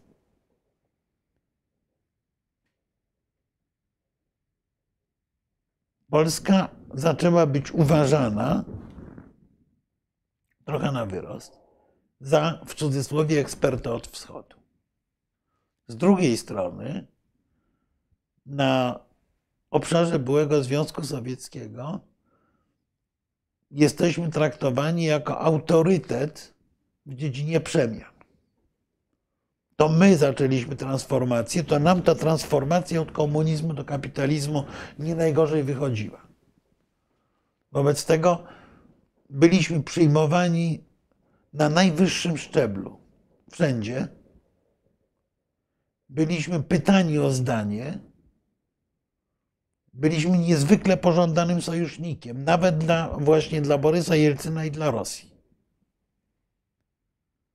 To był ten moment, kiedy Polska miała gigantyczne aktywa związane z polityką wschodnią. Te aktywa przez następne kilka lat były jednym z głównych argumentów w naszej drodze do zakotwiczenia się w świecie Zachodu, bo wciąż jeszcze mamy ten, tę obawę, że to, co się stało, być może stało się na chwilę. Być może to się jeszcze odwróci. Cały czas tego się obawiamy. Więc czasami jesteśmy zbyt ostrożni, czasami zbyt ofensywni. Mamy mnóstwo problemów, po części generowanych przez tych ludzi, którzy siedzieli na zapleczu władzy w Rosji i którzy w odróżnieniu od bardzo życzliwego Polakom Jelcyna mieli nieco inne pomysły. To ci ludzie inspirują konflikt polsko-litewski. Naturalny w jakimś stopniu, ale jednak yy, podsycają go. To ci ludzie podsy- podsycają konflikty polsko-ukraińskie, które coraz bardziej zaczynają odwoływać się do historii. To ci ludzie powodują, że na Białorusi jakiekolwiek polskie propozycje ściślejszej współpracy przyjmowane są najpierw przez władze komunistyczne, potem przez większość komunistyczną w parlamencie, a potem już do następnego okresu dotyczy władzę łukaszenkowską z dużą niechęcią i rezerwą. Mamy to postsowieckie czy neorosyjskie głębokie państwo, które nigdy nie, nigdy nie straciło do końca swoich wpływów, aczkolwiek w tym pierwszym okresie Jelcyna musiało się ukrywać, bo właśnie groziło im to, na co myśmy się nie zgodzili. Do dziś nie mam do końca zdania, czy słusznie, czy nie, bo im groził nowy proces norymberski. Dopóki byli w tym przerażeniu i strachu, to działali za kulisami. W następnym okresie coraz bardziej będą wychodzili spoza zasłony, spoza kulis. To może tyle i tak bardzo długiego wstępu. I mam nadzieję na Państwa pytania i dyskusje, bo ledwie dotknąłem kilku tematów. Dobrze, bardzo, bardzo dziękujemy. To poprosimy teraz, e, żebyśmy widzieli. e, Teraz mapę, naj- najlepiej dajmy mapę właśnie Związku Sowieckiego e, z republikami, bo to będziemy. O właśnie. to. Tak. Tak jest. Ile, ile państw powstało? Bo proszę Państwa, to już może podsumowując. Tak. Ja się, dziwicie się czasami nostalgii za Sowietami. Otóż w roku 1991 Związek Socjalistycznych Republik Sowieckich ma 22,4 miliona kilometrów kwadratowych 293 miliony mieszkańców. A w 1992 roku mocarstwowa Federacja Rosyjska ma 17 milionów kilometrów kwadratowych i 144 miliony mieszkańców. Drugi Trianon. Tak, czyli stracili połowę mieszkańców i drobne 5 milionów kilometrów kwadratowych. Pamiętajmy, Polska ma nieco ponad 300 tysięcy. 312. Dokładnie. To co, e, poprosimy teraz Tak o, o jest. komentarze. To Tak? prosimy Państwa o komentarze, pytania i, i debatę. Dobrze, zdjęcia nam znikają. Pojawimy się. O, już widzę. my, e, e, Panie Krzysztofie, to poprosimy o przelicie. Wow. Tak. Witam Katarzyna. Dziś witamy Pani Katarzyno bardzo serdecznie. Tak, e, witamy. Witam wszystkich. Witam, witam, witam. Na wschodzie cechowała nas e, A pasywność. no właśnie wtedy nas nie cechowała, Panie Tak, Robercie. tak. Wtedy nie cechowała nas pasywność. Wręcz przeciwnie, byliśmy bardzo aktywni. Byliśmy bardzo aktywni na różnych poziomach. Jak mówię, e, chyba i gospodarczo pamiętajmy, w jakim byliśmy stanie ekonomicznym. I e, jeśli idzie o pewien poziom wyobraźni politycznej, nie bardzo potrafiliśmy te wszystkie szanse, które się pojawiały, nie, potra- nie bardzo potrafiliśmy skonsumować. E, skonsumowaliśmy, ja wiem, 60%, może 50%, ale, e, ale niestety tylko, tylko tyle. Nie, to nie była na pewno pasywność. Natomiast, żeby dodać jako ciekawostkę jeszcze uzależnienie od MWPG, to y, Fundacja Wspomagania Wsi wtedy powstawała w 1987 roku y, i mieliśmy dostać 10 milionów dolarów od Kongresu Amerykańskiego, które w końcu To były tak kosmiczne pieniądze, że w Tak, ogóle. ale okaz- I wtedy wyszła na jaw, że każda transakcja powyżej 100 tysięcy dolarów musiała być zatwierdzona w Moskwie. Tak jest. Wtedy się okazało, więc to mówię, jak to było dalekie uzależnienie. To było uzależnienie stuprocentowo peł- pełne. Zresztą y, no, przypomnijmy sobie, że ten rozpad Związku Radzieckiego nas dotknął gospodarczo niezwykle mocno, tak? ale dotknął też Finlandię, która przecież... No właśnie, tak, do i tak innych dotknął chyba bardziej. Jest tak nawet naprawdę. bardziej, także dobrze, ale to prosimy jeszcze o przywilej. Znaczy nas, e, to, to, jest, to, to, to jest na następne spotkanie, bo nas to oczywiście dotknął, e, dotknęło, natomiast z drugiej strony Tak. Już, dla nas stało się już, już, już. szansą. W sensie najpiękniej to widzimy, Pani Jeszcze Katarzyna. cały czas ten e, dźwięk. Tak, już mamy z dźwiękiem, z dźwiękiem, przepraszamy jeszcze raz za ten kłopot. E, Tu widzimy Tak jest. e, z rosyjskiej ambasady, która została, powinna zostać zara, za, zaorana.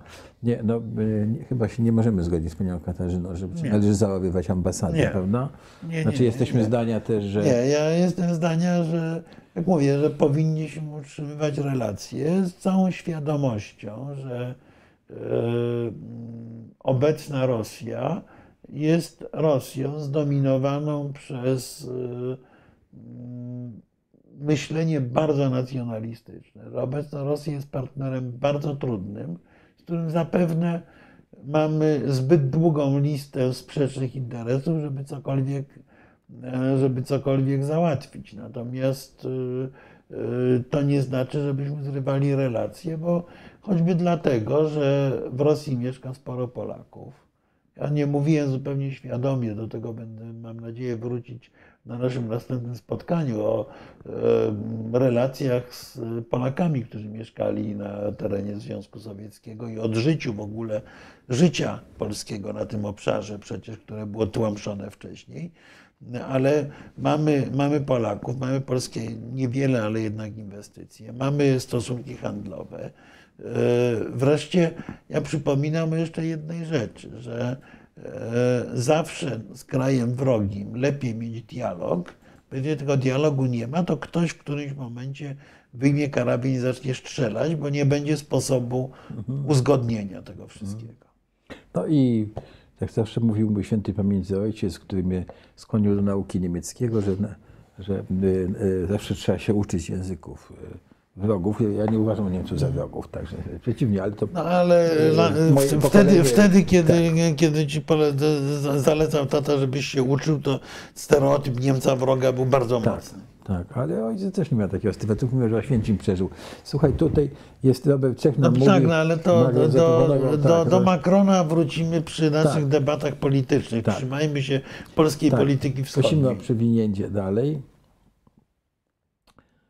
E, Kto Zagłoba proponował Szwedom? E? Zagłoba Tak, Szwedom e, nie, propo, nie proponował inflant, bo inflanty zapewniam, że przyjęli, tak, że inflanty by przyjęli z wdzięcznością, Tak. proponowałem Niderlandy. Tak, implanty to był ten obszar dzisiejszej Łotwy, Estonii, także Znaczy no przede wszystkim, no tak, przede wszystkim. Łotwy i to, to, to, był, to, to był rzeczywiście, to była rzeczywiście Tak. kwestia szalenie istotna. Ja, ja myślę, że tutaj to stwierdzenie, że Polska do dzisiaj nie jest niepodległa, jest. e, Nie wiem, czy pan Robert pamięta czasy, e, e, kiedy Polska naprawdę nie była niepodległa, to, to by dostrzegł różnicę. po- odpowiedź Pani Katarzyna, czy y, tam pojawił się komentarz, Pan Robert nas prowokuje, czy, czy ten, nie będziemy rozważać, czy minister Skubiszewski był agentem, czy nie był... y, To znaczy nie, niewątpliwie nie, nie w roli agenta występował jako minister spraw zagranicznych RP i wykonał gigantyczną pracę. Tak, w ogóle y, trzeba powiedzieć, że w ogóle ci ojcowie, nasi założyciele wykonali wtedy pracę jednak ogromną. Nie, no to, to, to była praca absolutnie gigantyczna. Ja dlatego podkreślałem, proszę Państwa, że my mówiliśmy o czterech latach. Mówiliśmy o czterech latach, bardzo krótkim wycinku czasu, jednej kadencji parlamentarnej. Przez ten czas zmieniło się absolutnie wszystko. To jest y, tak, jakby, nie wiem, y, ktoś, y, kto mieszkał, miał całą garderobę i umeblowanie przystosowane do zamieszkiwania na Półwyspie Arabskim, a musiał się przenieść na Spitsbergen. Albo odwrotnie. Tak, y, no tutaj jest dużo uwag o elitach, że ich nie mamy. E, Tak. y, Pani, I pytanie od Pani Katarzyny. Panie Marku, od 2008 roku polityka Rosji była dość oczywista. Jak to się stało, że mimo oficjalnej antyrosyjskości polityka polska... Pani, jest pani Katarzyno, jeżeli pani zachowa cierpliwość, to do tego 2008 roku i tych, i tych właśnie dylematów pasywizmu e, dojdziemy. E, tutaj ktoś z odkrywczą myślą, że paszport się trzymało w szufladzie, e, chyba w szufladzie Ubeka, e, panie Czarku, bo e, paszport czasami, ale bardzo rzadko dostawało się z łaski Ubecji, która, która ten paszport trzymała u siebie. Paszport w szufladzie to było jedno z pierwszych osiągnięć rządu mazowieckiego i, i, Tak. i, wolnej Tak, ja Rzeczpospolitej. muszę powiedzieć, że ja chyba z pięć razy aplikowałem o paszport i go nie dostałem Ja zazwyczaj go też nie dostawałem. tamtych czasach. E, Więc, e, więc to, to jest e, dosyć trudne. Słuchaj, tutaj pan y, NATO BIS, to są te czasy, o których wspomina. Tutaj Tak, no pan, tutaj widzę, że w ogóle pan, pan, pan Robert e, kompletnie. e, Panie Robercie, ja e, Odjeżdża po pierwsze miałem okazję znać Giedroycia, po drugie wiedziałem, co Giedroyć myśli o Wałęsie. Z różnymi, z bardzo krytycznymi opiniami, ale Giedroyć miał świadomość wielkości Wałęsy. Natomiast kwestia NATO BIS to jest kwestia nieco bardziej skomplikowana, bo to jest jeden z paru mitów polskiej historii o tym NATO BIS. NATO BIS to był e, przez Wałęsę w pewnym momencie używany straszak. Straszak używany właśnie po to, żebyśmy mogli rozmawiać o normalnym NATO. To znaczy e, NATO BIS, bo no byłem przy paru rozmowach na ten temat. To, był, to, to była opowieść o tym, że no, jeżeli nie wejdziemy do NATO, no to będziemy musieli tutaj w ramach e, państw środkowo-wschodnioeuropejskich Zbudować zbudować sobie- własny sojusz, jakieś NATO BIS, które będzie awanturnicze, słabe e, i będzie generowało tylko kłopoty. Kłopoty dla Zachodu i to. Także Tak. I, y, możemy jeszcze w dół na chwileczkę, panie Krzysztofie, poprosić o przywinięcie. Nie, nie, nie, nie, odwrotnie. nie, odwrotnie, odwrotnie, bo tam chciałem się odnieść do tego. Y, y, Giedroyci też mówiliśmy, bez handlu, paszport, że polscy policja wychowani się na wolnej Europie, może dlatego te horyzonty były szersze. Tutaj y, To kiedyś znaczy mówiliśmy na polscy ten temat. politycy wychowywali się na wolnej Europie i wychowywali się na e, kulturze paryskiej rzeczywiście.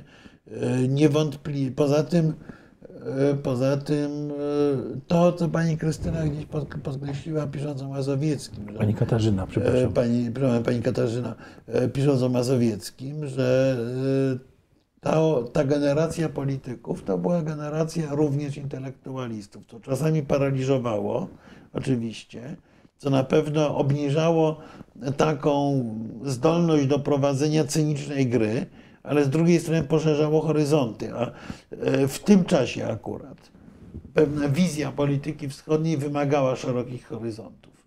E, Więc y, myślę, że więc myślę, że, że mieliśmy bardzo dużo szczęścia, a z drugiej strony właśnie chwilami zabrakło nam takiej zdolności do wykorzystywania technologii polityki, bo jej trochę nie znaliśmy, a trochę byliśmy pięknoduchami, którym, którym rzeczywiście wydawało się, że żyje się ideami, a nie, a nie pieniędzmi i, i twardymi interesami.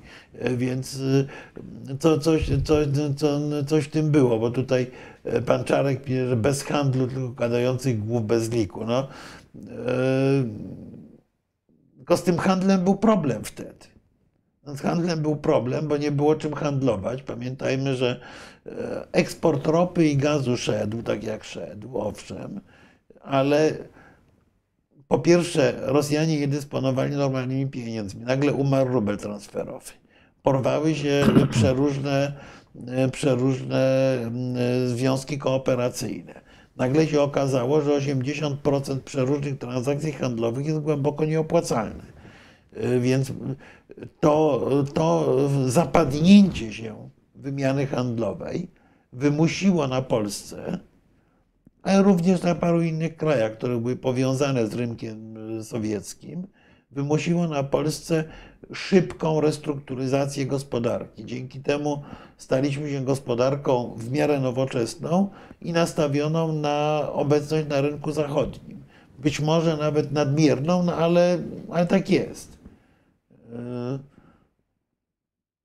Więc yy, no, to jest, yy, to jest normalne. Nie wiem, skąd pan, pan Robert ma jakieś takie dosyć, do, dosyć No, prowokuje ego, ale egzotyczne rzeczy i tak. niekoniecznie wiążące się ze sobą pomysły, bo co ustalali Kruczkow i Daniel Fried. Szczerze mówiąc, nie wiem, czy Dan y, w ogóle spotykał się z Kruczkowem. To były kompletnie inne, y, kompletnie inne, na kompletnie innych piętrach. W czasie, kiedy Tak. w Rosji był Kruczkow, to Fried był zastępcą ambasadora amerykańskiego w Warszawie. No to, to było nieba a ziemia, jeśli chodzi o, o protokolarne, y, protokolarne Tak. y, po, położenie. Nie, nie sądzę, żeby Kruczkow w ogóle rozmawiał. Ja bym jeszcze dodał tutaj do tej uwagi pani Katarzyny Zielińskiej, że przecież ta polska polityka wschodnia i te i dyskusje o niej się formowały w tych pismach, o których wspomniałeś tutaj, prawda? Y, Ale też no, w całej masie dyskusji, czy to tak, tak y, ludzie się spotykali prywatnie, żeby omawiać różne kwestie, czy w, w połowie lat 90. ze- spotykali się już na takich seminariach w, koście, w półoficjalnych, nieoficjalnych kościołach. No, tam się właśnie odnalazł y, Krzysztof Skubiszewski, który, Tak.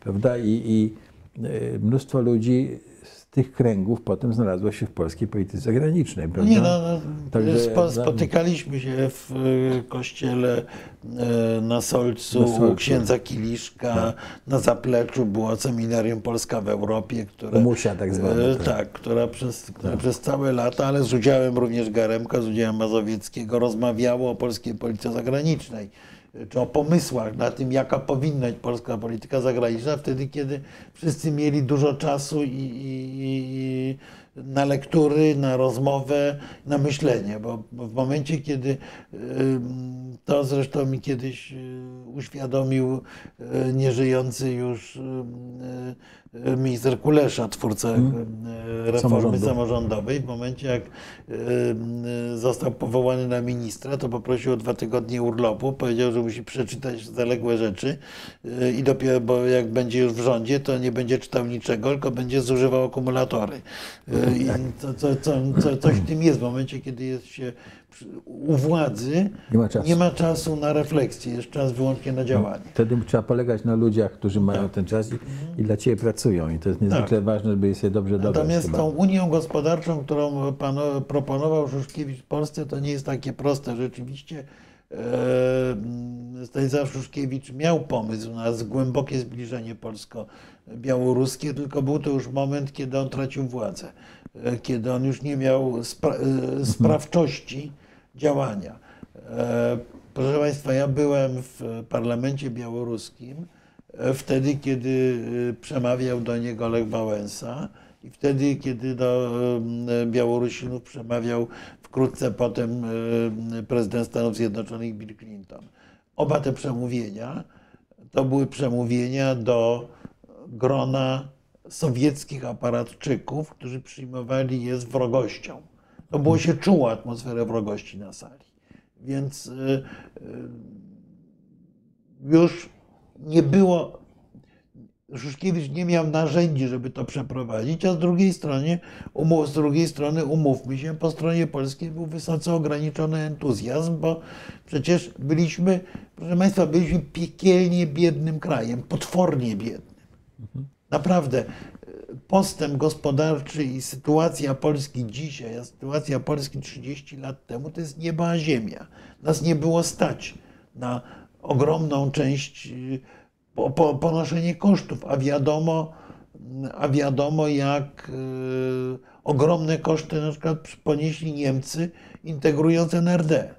No więc y, to jest trochę rozmowa o żelaznym wilku. Polska wtedy musiała najpierw sama się ogarnąć i y, jakoś można zrozumieć, że myśmy wielu szans nie wykorzystali, bo nie mieliśmy, nie mieliśmy możliwości. Po prostu. Tak, przypomnijmy jeszcze, NWPG to była Rada Wzajemnej Pomocy Gospodarczej i to była organizacja, która istniała no, w, całym obozie, obejmowała cały obóz y, y, sowiecki. Tak? I to było y, tak, że było rozdzielone, kto ma co produkować i, i Nie, Polska no, mógł produkować sy- to, tamto. system system Tak, RWPG był mówię, generalnie systemem zbudowanym na modelu gwiazdy, to znaczy yy, to była zasadnicza różnica pomiędzy integracją zachodnioeuropejską a integracją posowiecką. System RWPG był systemem, w którym wszystkie działania musiały być zatwierdzane w Moskwie. Tak. Wszystkie kontakty Polska z Bułgarią kontaktowała się przez Moskwę. Handel polsko-węgierski był prowadzony przez Moskwę i w interesie Moskwy tak naprawdę. E, Wtedy, kiedy integracja prawdziwa polega na budowaniu możliwie wielu porozumień poziomych e, pomiędzy poszczególnymi uczestnikami modelu Między integracyjnego. przedsiębiorstwami my- małymi, dużymi i tak dalej. E, Tutaj jeszcze byłoby jed- jedno py- pytanie. Ja Czy pa- Go- Gorbaczow był w areszcie domowym? O ile dobrze pamiętam, to E, chyba nie e, był. Znaczy Gorbaczow Znaczy, był w areszcie domowym był- w momencie puczu. Tak. Rzeczywiście go e, w tej jego willi On na nie- Krymie nie mógł- go nie mógł się wydostać internowano i nie- znaczy go zablo, no, był zablokowany tak. przez puczystów, tylko pucz był e, no z- ja nie wiem, czy zorganizowany po partacku, czy zorganizowany, znaczy pode, sądzę, ale to, to, jest, to jest futurologia polityczna, że był to w jakimś stopniu wynik tego, że wewnątrz środowisk kagiebowskich służb specjalnych były bardzo mocne podziały, również ideologiczne, co do wizji przyszłej władzy w Rosji i, i dzięki temu Jelcyn ze swoją grupą zdołał zdominować całą, ca- całą kwestię puczystów. Tak, tutaj mamy pytanie. Ja muszę powiedzieć e, do pana Roberta jedna uwaga. Jeżeli będzie pan wypisywał e, tego typu, te- tego typu komentarze, no to jest e, nie, na temat Wałęsy, na temat Skubiszewskiego, to, no to trochę szkoda, szkoda czasu na taką ale, dyskusję. Ale też, ale E, też, też Wie pan, y, ja, zwracamy się do Pana, żebyśmy Znaczy ja, nie musieli pa- panie, pana... panie Robercie, ja miałem okazję być, co prawda na samym końcu, ale przy tym stole, e, przy którym Lech Wałęsa prowadził rozmowę, tą kluczową rozmowę z Jelcynem w Moskwie. I e, gdyby nie osobisty talent Wałęsy, ta rozmowa mogła pójść dla Polski dużo gorzej. Wobec tego e, mówienie bez przerwy, powtarzanie głupstw o Bolku i tak dalej jest po prostu Znaczy niesprawiedliwe. jest po pierwsze niesprawiedliwe, po drugie kompletnie nie, nie, nie, nie związane z realiami historycznymi. I rzeczywistością, tak.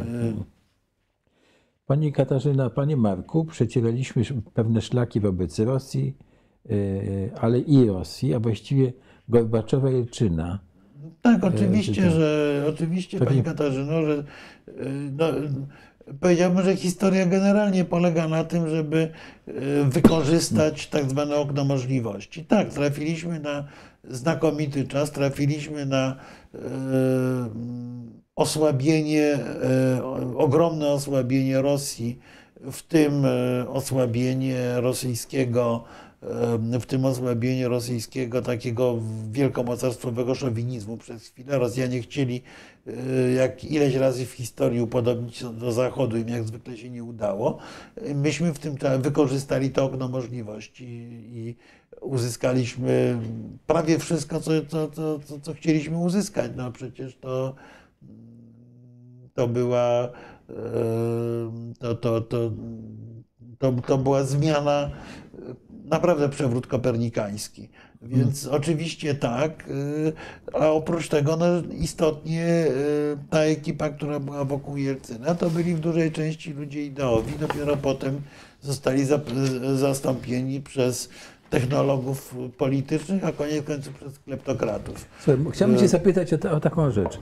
Jak Amerykanie reagowali na przykład na y, te y, ruchy niepodległościowe republik? No, było, tak, był taki Bardzo incydent, różnie. który nazywał się Kijew Chicken Speech. Tak prawda? jest. No, no to słynna mowa Busha w Kijowie, gdzie on namawia Ukraińców, żeby nie upominali się o niepodległość. No bo, ale, ale w tej chwili a, a to, co robi Macron, to jest co, coś, coś innego. Nie. Y, To była stała obawa amerykańska przed tym, że e, Związek Sowiecki się rozpadnie, że dojdzie do wojny domowej, stracą kontrolę nad bronią atomową, stracą kontrolę w ogóle nad rozwojem sytuacji i będzie bardzo niedobrze. Tak samo jak boją się w tej chwili, że rozpadnie się Rosja, dojdzie do wojny domowej, stracą kontrolę nad bronią atomową, cała ta litania właściwie może wrócić. Więc tak. e, znaczy Amerykanie e, byli ostrożni, ale, y, ale mniej ostrożni niż duża część Europejczyków. Y, Oni dość szybko zrozumieli, że te procesy są nieodwracalne. Y, Więc, y, więc tutaj Jasne. Dobrze, to dziękuję Ci bardzo. Jest tu Adam Woźniak mówi, jak dużo dostępu do zasobów naturalnych straciła Rosja po rozpadzie ZSRR? Dużo, no bo znaczna część tych zasobów y, strategicznych znajdowała się głównie zresztą w Azji Środkowej, bo, bo w innych krajach znacząco mniej.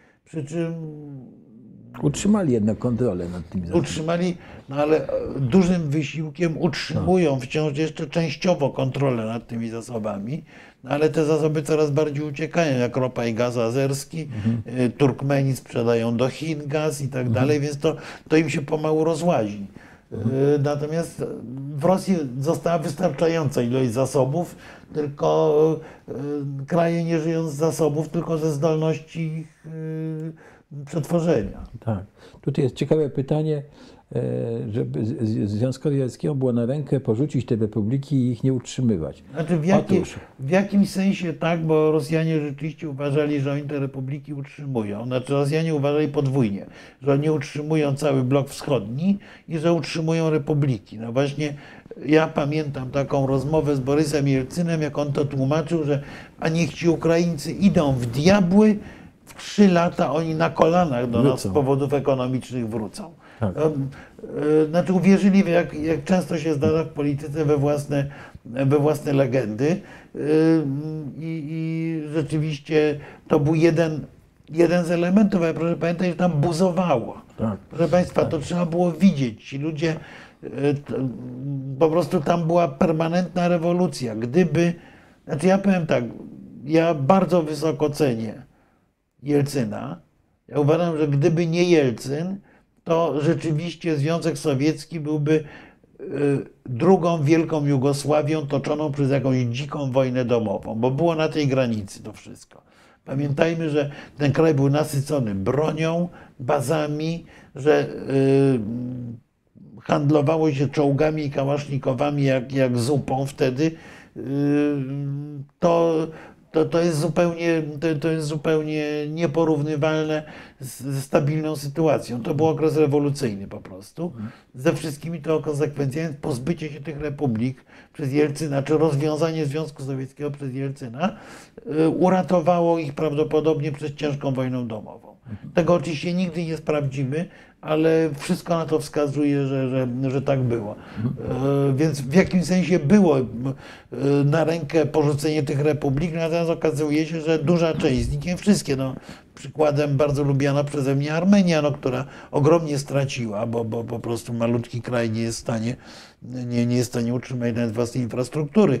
Natomiast duża część tych republik z Ukrainą na czele raczej wnosiła niż wynosiła ze wspólnego, ze wspólnego worka środki. Ja w tym, Tu- w, w, tym, w tym kontekście, jeśli pozwolisz, tylko e, wspomnę, że e, jak e, e, Finlandia się chciała pod I wojnie światowej, u, u, i to pisze Mannerheim w swoich pamiętnikach, tak, jak e, już e, w Rosji już był e, czerwony reżim, a, a biali generałowie czy, czy biali politycy w Paryżu tak, ciągle przekonywali Zachód, żeby nie uznawać Finlandii, bo jak oni sobie poradzą, ci biedni Finowie bez Rosji. Także że te, to, to utrzymywanie tego mocarstwa było, było i, Nie no, poza i- tym i- życie właśnie w takiej mitologicznej rzeczywistości, Tak. że to my jesteśmy. Bo to, jest, to jest dość typowe w ogóle dla myślenia rosyjskiego. Rosjanie, tak jak ostatnio przemawiał Putin, że Rosja jest ofiarą, on, on, on pewnie w to wierzy. Tak, z drugiej strony przekonany, Rosjanie wierzą, że oni wszystkim tylko coś dają. Tak. Że wszyscy powinni być im właściwie tak naprawdę wdzięczni, bo ich utrzymują i w ogóle. No to nie Tak. było takie proste. Tu jest pytanie ciekawe, czy e, e, w szeroko rozumianym środowisku solidarnościowym początku lat 90. były osoby, które poważnie myślały o przywracaniu przynajmniej w jakimś stopniu granic II Rzeczpospolitej. Jezus Maria, były na szczęście nie, nie, nie były na tyle wpływowe, żeby, Byli, żeby byli, to tak, zrobić. to pamiętam. Bo to by było właśnie przekro... byłoby to dokładnie przekreślenie tej doktryny Giedroycia. E, I e, najlepszy prezent dla e, tej grupy szowinistycznych kagiebistów, którzy nie chcieli oddać ani guzika od swojego munduru z błękitnymi pagonami. Jest pytanie o królewiec, to Jest pytanie o królewiec z tego samego cyklu. E, mm, Po pierwsze, e, kogo na to stać? E, Czy ktoś z Państwa, bo ja byłem, jednym z pierwszych chyba Polaków, którym się udało wjechać do okręgu królewieckiego. Bo, bo mm, tam nie można było wjeżdżać, to był obszar zamknięty do, do 91 roku. E, Mi się udało e, z przyjaciółmi z Litwy na, tamtejszym, sam- na tamtejszych numerach, pamiętajmy, że to jest Sowiety, granicy nie było, wjechać i, obejrzeć kawałek okręgu kaliningradzkiego. To była potworna ruina. Więc w ówczesnych realiach próby, po pierwsze, no, próba zmiany statusu terytorialnego była trudna. E, Taką próbę podjął Borys Jelcyn w odniesieniu do Wysp Kurylskich przed jego wizytą w Japonii właściwie było dogadane, że Rosjanie przekazują Japonii Wyspy Kurylskie w zamian za gigantyczne japońskie inwestycje na Syberii. W Odbudowę, odbudowę czy modernizację Syberii. I e, Jelcyn zetknął się z potwornym oporem e, Swojego otoczenia. W wojsku, w służbach specjalnych, musiał się cofnąć, zerwał tą wizytę wtedy. Y, Były podobne pomysły wobec Kaliningradu. Y, Nie tyle przehandlowania go Polakom, bo, bo nie, nie, nie mieliśmy za co, czym zapłacić za to. Natomiast były pomysły, żeby Kaliningrad stał się jakąś taką wolną, wolną strefą, wolną enklawą. Był projekt już też w Dumie Rosyjskiej leżał ustawy o obszarach eksklaw, czyli pozbawionych łączności z terytorium e, Federacji Rosyjskiej, która w istocie miała dać praktycznie niepodległość Kaliningradowi i też się z tego musiał wycofać. To e, znowu takie pomysły bardziej u Litwinów niż u nas chodziły, żeby ten Kaliningrad jakoś zagarnąć, tylko, e, tylko było to sk- skrajnie nie- nierealistyczne, bo, bo no nikt się nie spodziewał oczywiście takiego zwrotu, może niesłusznie, takiego zwrotu militarystycznego w polityce rosyjskiej, że ten Kaliningrad jest w tej chwili zagrożeniem. Ale, całe szczęścieśmy tego nie ale nie, zrobili. był, nie był to, w żaden sposób nie było to do zintegrowania, a koszty takiej integracji były zupełnie nieprawdopodobne i polityczne, i gospodarcze. A Więc- mógł, a to taki Krym być. e, A mógł, to, taki- mógł się to stać Krym bis. y, Tak. Najlepszym sposobem na neutralizację Kaliningradu, proszę Państwa, to jest wstąpienie y, Szwecji i Finlandii do NATO. W tym momencie Kaliningrad przestaje tak naprawdę być istotny. Tak. Y, Staje się mm, taką nową wyspą węży, tylko trochę większą. Y, Więc y, wydaje mi się, że taki pomysł y, rozszerzenia o królewiec był trochę, trochę bez sensu. To też, też mówię, pojawiało się bardziej w narracji litewskiej niż polskiej, nie właśnie nikt, nikt rozsądny, bo nie mógł tego zrobić, bo, bo, bo nas nie było na to stać, już pomijając wszystko inne. Y, Tu jest pytanie od pani Katarzyny Zielińskiej. E, Mówi pan, panie Marku, że nie wykorzystaliśmy wszystkich szans.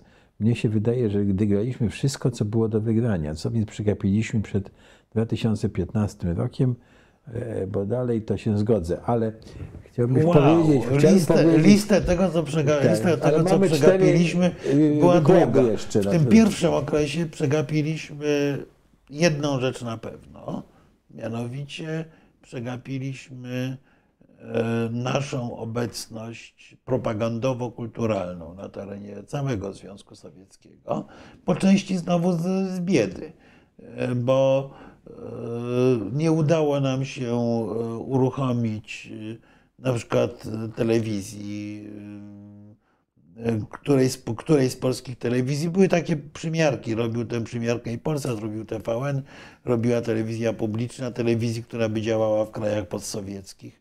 E, W ich języku oczywiście, ale naszej. E, Nie udało nam się utrzymać obecności e, naszych gazet, e, e, naszych książek na takim poziomie, jakim były obecne w Rosji. W pewnym momencie mieliśmy na to szansę, ale znowu nie było nas na to stać, bo Gazeta Wyborcza, jak się pojawiła, no to była oczywiście rozchwytywana e, w Związku Sowieckim, natomiast kosztowała pieniądze, na które normalnego Rosjanina nie było stać. bo były zabójcze przeliczniki, a nie miał kto tego y, dofinansowywać, żeby ona była za pół darmo tam rozprowadzana, tak jak kiedyś była prasa PRL-owska typu Przekrój Kobieta i Życie, które były powszechnie czytane. Y, Więc niewątpliwie nie inwestowaliśmy w naszą obecność kulturalną, w, nasze, w tłumaczenie naszych filmów i tak dalej, co by wzmocniło naszą pozycję na, na, rynku, na rynku nie tylko rosyjskim, może nawet bardziej nierosyjskich krajów obszaru postsowieckiego. E, Kwestią kluczową jest rzeczywiście ta, ten krótki czas w roku 1991, kiedy Jelcyn, Jelcynowi tak strasznie zależało na Wałęsie. Być może mogliśmy z tego coś ugrać. Być może gdyby nastąpił proces norymberski komunistów, prawdziwy proces komunizmu jako systemu, e, Rosja byłaby inna. Być może, być może, być może. Cały czas jesteśmy na tym, na, na, na, na, na, A poziomie może zadawania sobie się pytań. wplątali- A być może byśmy wsadzili ręce między drzwi, co sugerował, co sugerował y, minister Skubiszewski wtedy, jak, jak prowadziliśmy rozmowy, co, co, co z tym fantem zrobić. Więc trudno powiedzieć, ale niewątpliwie to był taki moment, kiedy mogliśmy wejść w realny, partnerski dialog z Rosjanami. Potem z tym partnerstwem było coraz trudniej. E, Więc to, to jest szansa przegapiona. E, I oczywiście, no, e, rzeczywiście jest kwestia Białorusi tutaj, któryś z panów słusznie powiedział, że przegapiliśmy Białoruś. Rzeczywiście, o ile, o ile na prawdziwe zainwestowanie w Ukrainę nie było nas stać, o tyle na zainwestowanie w Białoruś być może tak. W pewnym momencie zagapiliśmy, potem była cała e, ta dziwna historia z wyborem Łukaszenki, nasz, najpierw naszym wspieraniem Łukaszenki, potem odwróceniem się całkowitym od niego. E, No, to już następne wykłady. Tu za, zabrakło, trochę, zabrakło trochę finezji, ale jeszcze do tego będziemy, będziemy w następnych odcinkach e, wracali. Także em, tu straciliśmy szansę, poza tym wynikającą z bardzo dobrych relacji elit, tu już rosyjskich, ale nie tylko rosyjskich, bo pozostałym, w pozostałych krajach to wy, wygląda lepiej. Natomiast elit rosyjskich z Polską, bo rzeczywiście y, z tym środowiskiem, które, e, którego wychodził Jegor Gajdar, Borys Niemcow, y, które otaczało w dużym stopniu Jelcyna, mieliśmy znakomite relacje i te relacje w pewnym momencie zostały bardzo wychłodzone i już ich nie odbudowaliśmy, a nie zbudowaliśmy relacji z kolejnym pokoleniem Rosjan. Wobec tego, e, a Polska okazała się, bo musieliśmy, to, to, to, to jest tak jak z utrzymywaniem się w e, jakiejś lidze czy grze, że mieliśmy bardzo dobre aktywa na początku, ale musi, musieliśmy cały czas uczestniczyć, ponieważ Polska w oczywisty sposób dla, y, była niesłychanie atrakcyjna dla obywateli Związku Sowieckiego. W momencie, gdy była takim bliskim Zachodem, a w momencie, kiedy się otworzyły Stany Zjednoczone, Włochy, Francja, to Polska przestała być tak atrakcyjna. Jeżeli byśmy podtrzymali kontakty, inwestowali w nie, to przynajmniej część, nie wszystkie, te aktywa byśmy zachowali, ponieważ myśmy się tak naprawdę odcięli, no to, to straciliśmy to co, to, co było, odzyskanie jest praktycznie niemożliwe. E, Tu pada pytanie trochę bardzo współczesne politycznie, ale y, kiedy upadnie reżim Łukaszenki, co będzie pani z Białorusią. Otóż, kiedy upadnie reżim Łukaszenki, to zależy od tego, jak będą walczyli żołnierze ukraińscy z Rosjanami.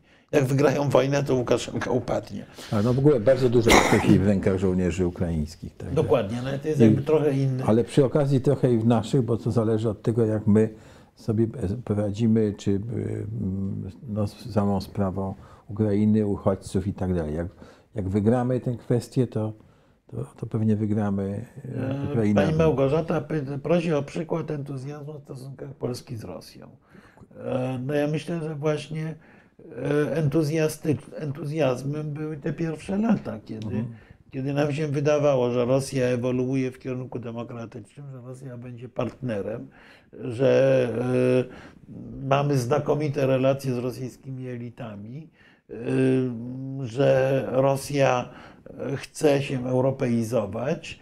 E, To jest to, to, to, był, to był okres, kiedy myśmy się nieustannie spotykali z rosyjskimi, e, z rosyjskimi właśnie intelektualistami, politykami no, tej pierwszej ligi, e, rozmawiając o, o partnerstwie e, w budowaniu demokracji, o, trans, o przenoszeniu polskich doświadczeń i tak dalej, i tak. Ten entuzjazm myślę, że gdzieś do 95-6 roku był, był realny. Po tym słynnym incydencie na dworcu wschodnim w Warszawie, kiedy tam pobito jakiś Rosjan i strona rosyjska poszła w zerwanie stosunków, było to oczywiście już dużo trudniejsze. Były jeszcze próby ocieplenia, ale, e, ale już nigdy nie, nie wrócił ten entuzjazm wczesnej ery, e, wczesnej ery jelcynowskiej, entuzjazm obustronny dodajmy. Dobrze, do tego wrócimy jeszcze w następnych wykładach. Mi się wydaje, że już mamy e, dwie godziny e, e, nasz, e, e, Tak, rozmowy. Katarzyna mówi właśnie Tak. o tym oddzielnym e, Andorą no, z Kaliningradu, no raczej nie Andory, bo tam był raczej pomysł taki, żeby Kaliningrad stał się w pewnym momencie e, czwartym państwem bałtyckim, ale to już w, te, w tej chwili, po tym co zrobili Rosjanie, Rosja, e, Rosja jest trochę traktowana jak mm, parszywa owca i e, rozmawianie na ten temat to jest rozmowa w istocie o, e, to jest rozmowa w istocie o procesie rozpadu Federacji Rosyjskiej, który może się pojawić w razie porażki wojennej, ale który będzie no, e, Trudny. dużym bólem głowy dla całego świata. Bo to jest naprawdę duży kraj. Tak, to co Marku? Kończymy? My jesteśmy teraz Moskwy idealnym chłopcem do bicia, no nie, No, nie zawsze, tylko, nie tylko Panie my. Czarku, zawsze byliśmy. Zawsze byliśmy. E, Polska jest na tyle mała i słaba, że niewiele Rosji może zrobić, a na tyle obecna w rosyjskim myśleniu i w rosyjskiej identyfikacji kulturowej, że się nadaje na idealny przykład tego wroga, który zdradził świat słowiański, e, jest psem łańcuchowym Ameryki, e, zagraża Rosji, bo, bo kiedyś zagrażał, zagrażał i, i tyle. No, E, ja, ty, ja tylko przypomnę, że też Węgrzy za- zaczęli wykorzystywać to, prawda, o, y, y, o, o, oskarżając nas o, o to, że myśmy doprowadzili do tej wojny. Pan, pan, Tak. pan Łukasz już też politycznie zaangażowany o tym całowaniu Putina. Dojdziemy do tego przy następnym spotkaniu. Tak, to y, proszę Jak Państwa, zmieniła się różnica w poziomie życia między Polską a Rosją między rokiem 90 i teraz? Zasadniczo. E, W roku 90 ten poziom życia był naprawdę bardzo podobny. W tej chwili, e, w tej chwili za wyjątkiem Moskwy i to nie całej Moskwy, e, to, to jest przepaść. tak, nie wiem, 5 do 1, 6 do 1. Proszę, E, musimy sobie uświadomić, że myśmy y, w pewnych wskaźnikach przekroczyli poziom y, życia w Portugalii. Także. Nie, no to mówię, Portugalia Portugalią, ale e, co nam się udało zrobić, to naprawdę wystarczy sobie pomyśleć, że e, w roku 1990 właściwie poziom życia pomi- pomiędzy Polską, Rosją a Ukrainą się nie różnił. W tej chwili e, no to jest, y, no to, to są dwa inne obszary, y, Zupełnie jeśli tak. idzie o normalne, codzienne życie, o wygodę życia, o sposób życia i tak dalej. Y, Nie mówię, nie mówię nawet o dem- demokracji czy, czy czymkolwiek innym, więc to, to, jest, to, to, y, to jest dowód na to, że nam się udało ze wszystkimi naszymi słabościami i błędami dokonać transformacji. Natomiast Rosjanom się nie udało, mimo że próbowali i może mieli potencjalnie lepsze chyba narzędzia nawet niż my, żeby tego, żeby tego dokonać. To co, e, musimy kończyć. Proszę Państwa. Tak, no chyba będziemy Państwu państwa, dziękowali, bo Tak, ale proszę Państwa, bo były zaproszenia teraz. Chcielibyśmy Państwa zaprosić na środę 18 y, maja na godzinę 19 tym razem. Będziemy... Ale to będziemy o czymś zupełnie innym, Zupełnie bo innym. o Dalekim Wschodzie, Chinach, Tak, Filipinach, Sri Lance, I czyli centrum świata tak naprawdę, którego my nie dostrzegamy z ambasadorem profesorem Jelonkiem. Tak, bo tam się dużo dzieje, a y, drugi wykład z cyklu o polityce rosyjskiej, polskiej polityce wschodniej, będziemy, zapraszamy na następną niedzielę o... O w piątku. piątek, tak, piątek, tak. Na najbliższy w piątek, piątek, o y, godzinie 20. 18. O tak? godzinie 18 będzie drugi wykład. Chyba, że się wydaje coś takiego, że będziemy musieli omawiać, No, ale... pe, pe, pewnie część tych pytań, które Państwo postawili, e, będzie można, Tak, tak, e, będzie chcieliśmy- można rozwinąć rzeczywiście. No, Ale- Oczywiście nie będziemy mówili o broni atomowej, bo e, no, e, pokazywaliśmy, kiedy ta broń atomowa w Polsce była. E, Myślę, że to jest znowu na inny temat i pewnie będziemy mieli okazję jeszcze, Piotrze, rozmawiać o, o kwestiach e, ukraińskich, czy, czy w tej współczesnej polityki, bo rzeczywiście jednym, jedną z opcji, o których powinniśmy poważnie mówić, to jest włączenie Polski do systemu tak zwanego nuclear sharing Tak. Stanów Zjednoczonych, no ale to jest zupełnie inna, zupełnie inna historia. E, Wtedy były pomysły na broń atomową, że to też jeden z pomysłów, które chodził, żeby kupić od Ukraińców, którzy mieli wtedy ogromny arsenał, żeby kupić broń atomową, no ale to, Nie to było no wtedy i trochę niepoważnie. Tak, to było tutaj- trochę niepoważne. Pamiętajmy, że, że ta broń e, naprawdę jest e, opatrzona wieloma bezpiecznikami. Jest trudno ją odpalić, jeżeli nie ma się tych wszystkich e, walizek w ręku. Ja tutaj się odniosę do tego pana Filipa Filipkowskiego, że y, proszę pana, Pol- PRL, w życie w PRL i PRL y, były lepsze warunki życia niż w Portugalii do czasu, kiedy Portugalia wstąpiła do Unii Europejskiej. Tak, po rewolucji goździków i tak. I, I potem już niestety Portugalia nas przeganiała, przeganiała bardzo długo i w tej chwili się to wyrównało. Podobnie zresztą było z Hiszpanią, gdzie poziom życia w latach 70. był podobny w PRL-u, tak? Potem Hiszpania bardzo poszła, się rozwinęła po wstąpieniu do Unii Europejskiej, no i w tej chwili w zasadzie... Nie, Hiszpanię niespiesznie do- doganiamy. Pani Katarzyno, jeżeli Pani w piątek nie może, to zapraszamy przynajmniej do zobaczenia na YouTubie i Tak.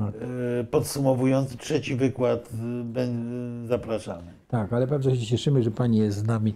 Także pozdrawiamy Panią Katarzynę i Państwa wszystkich bardzo serdecznie.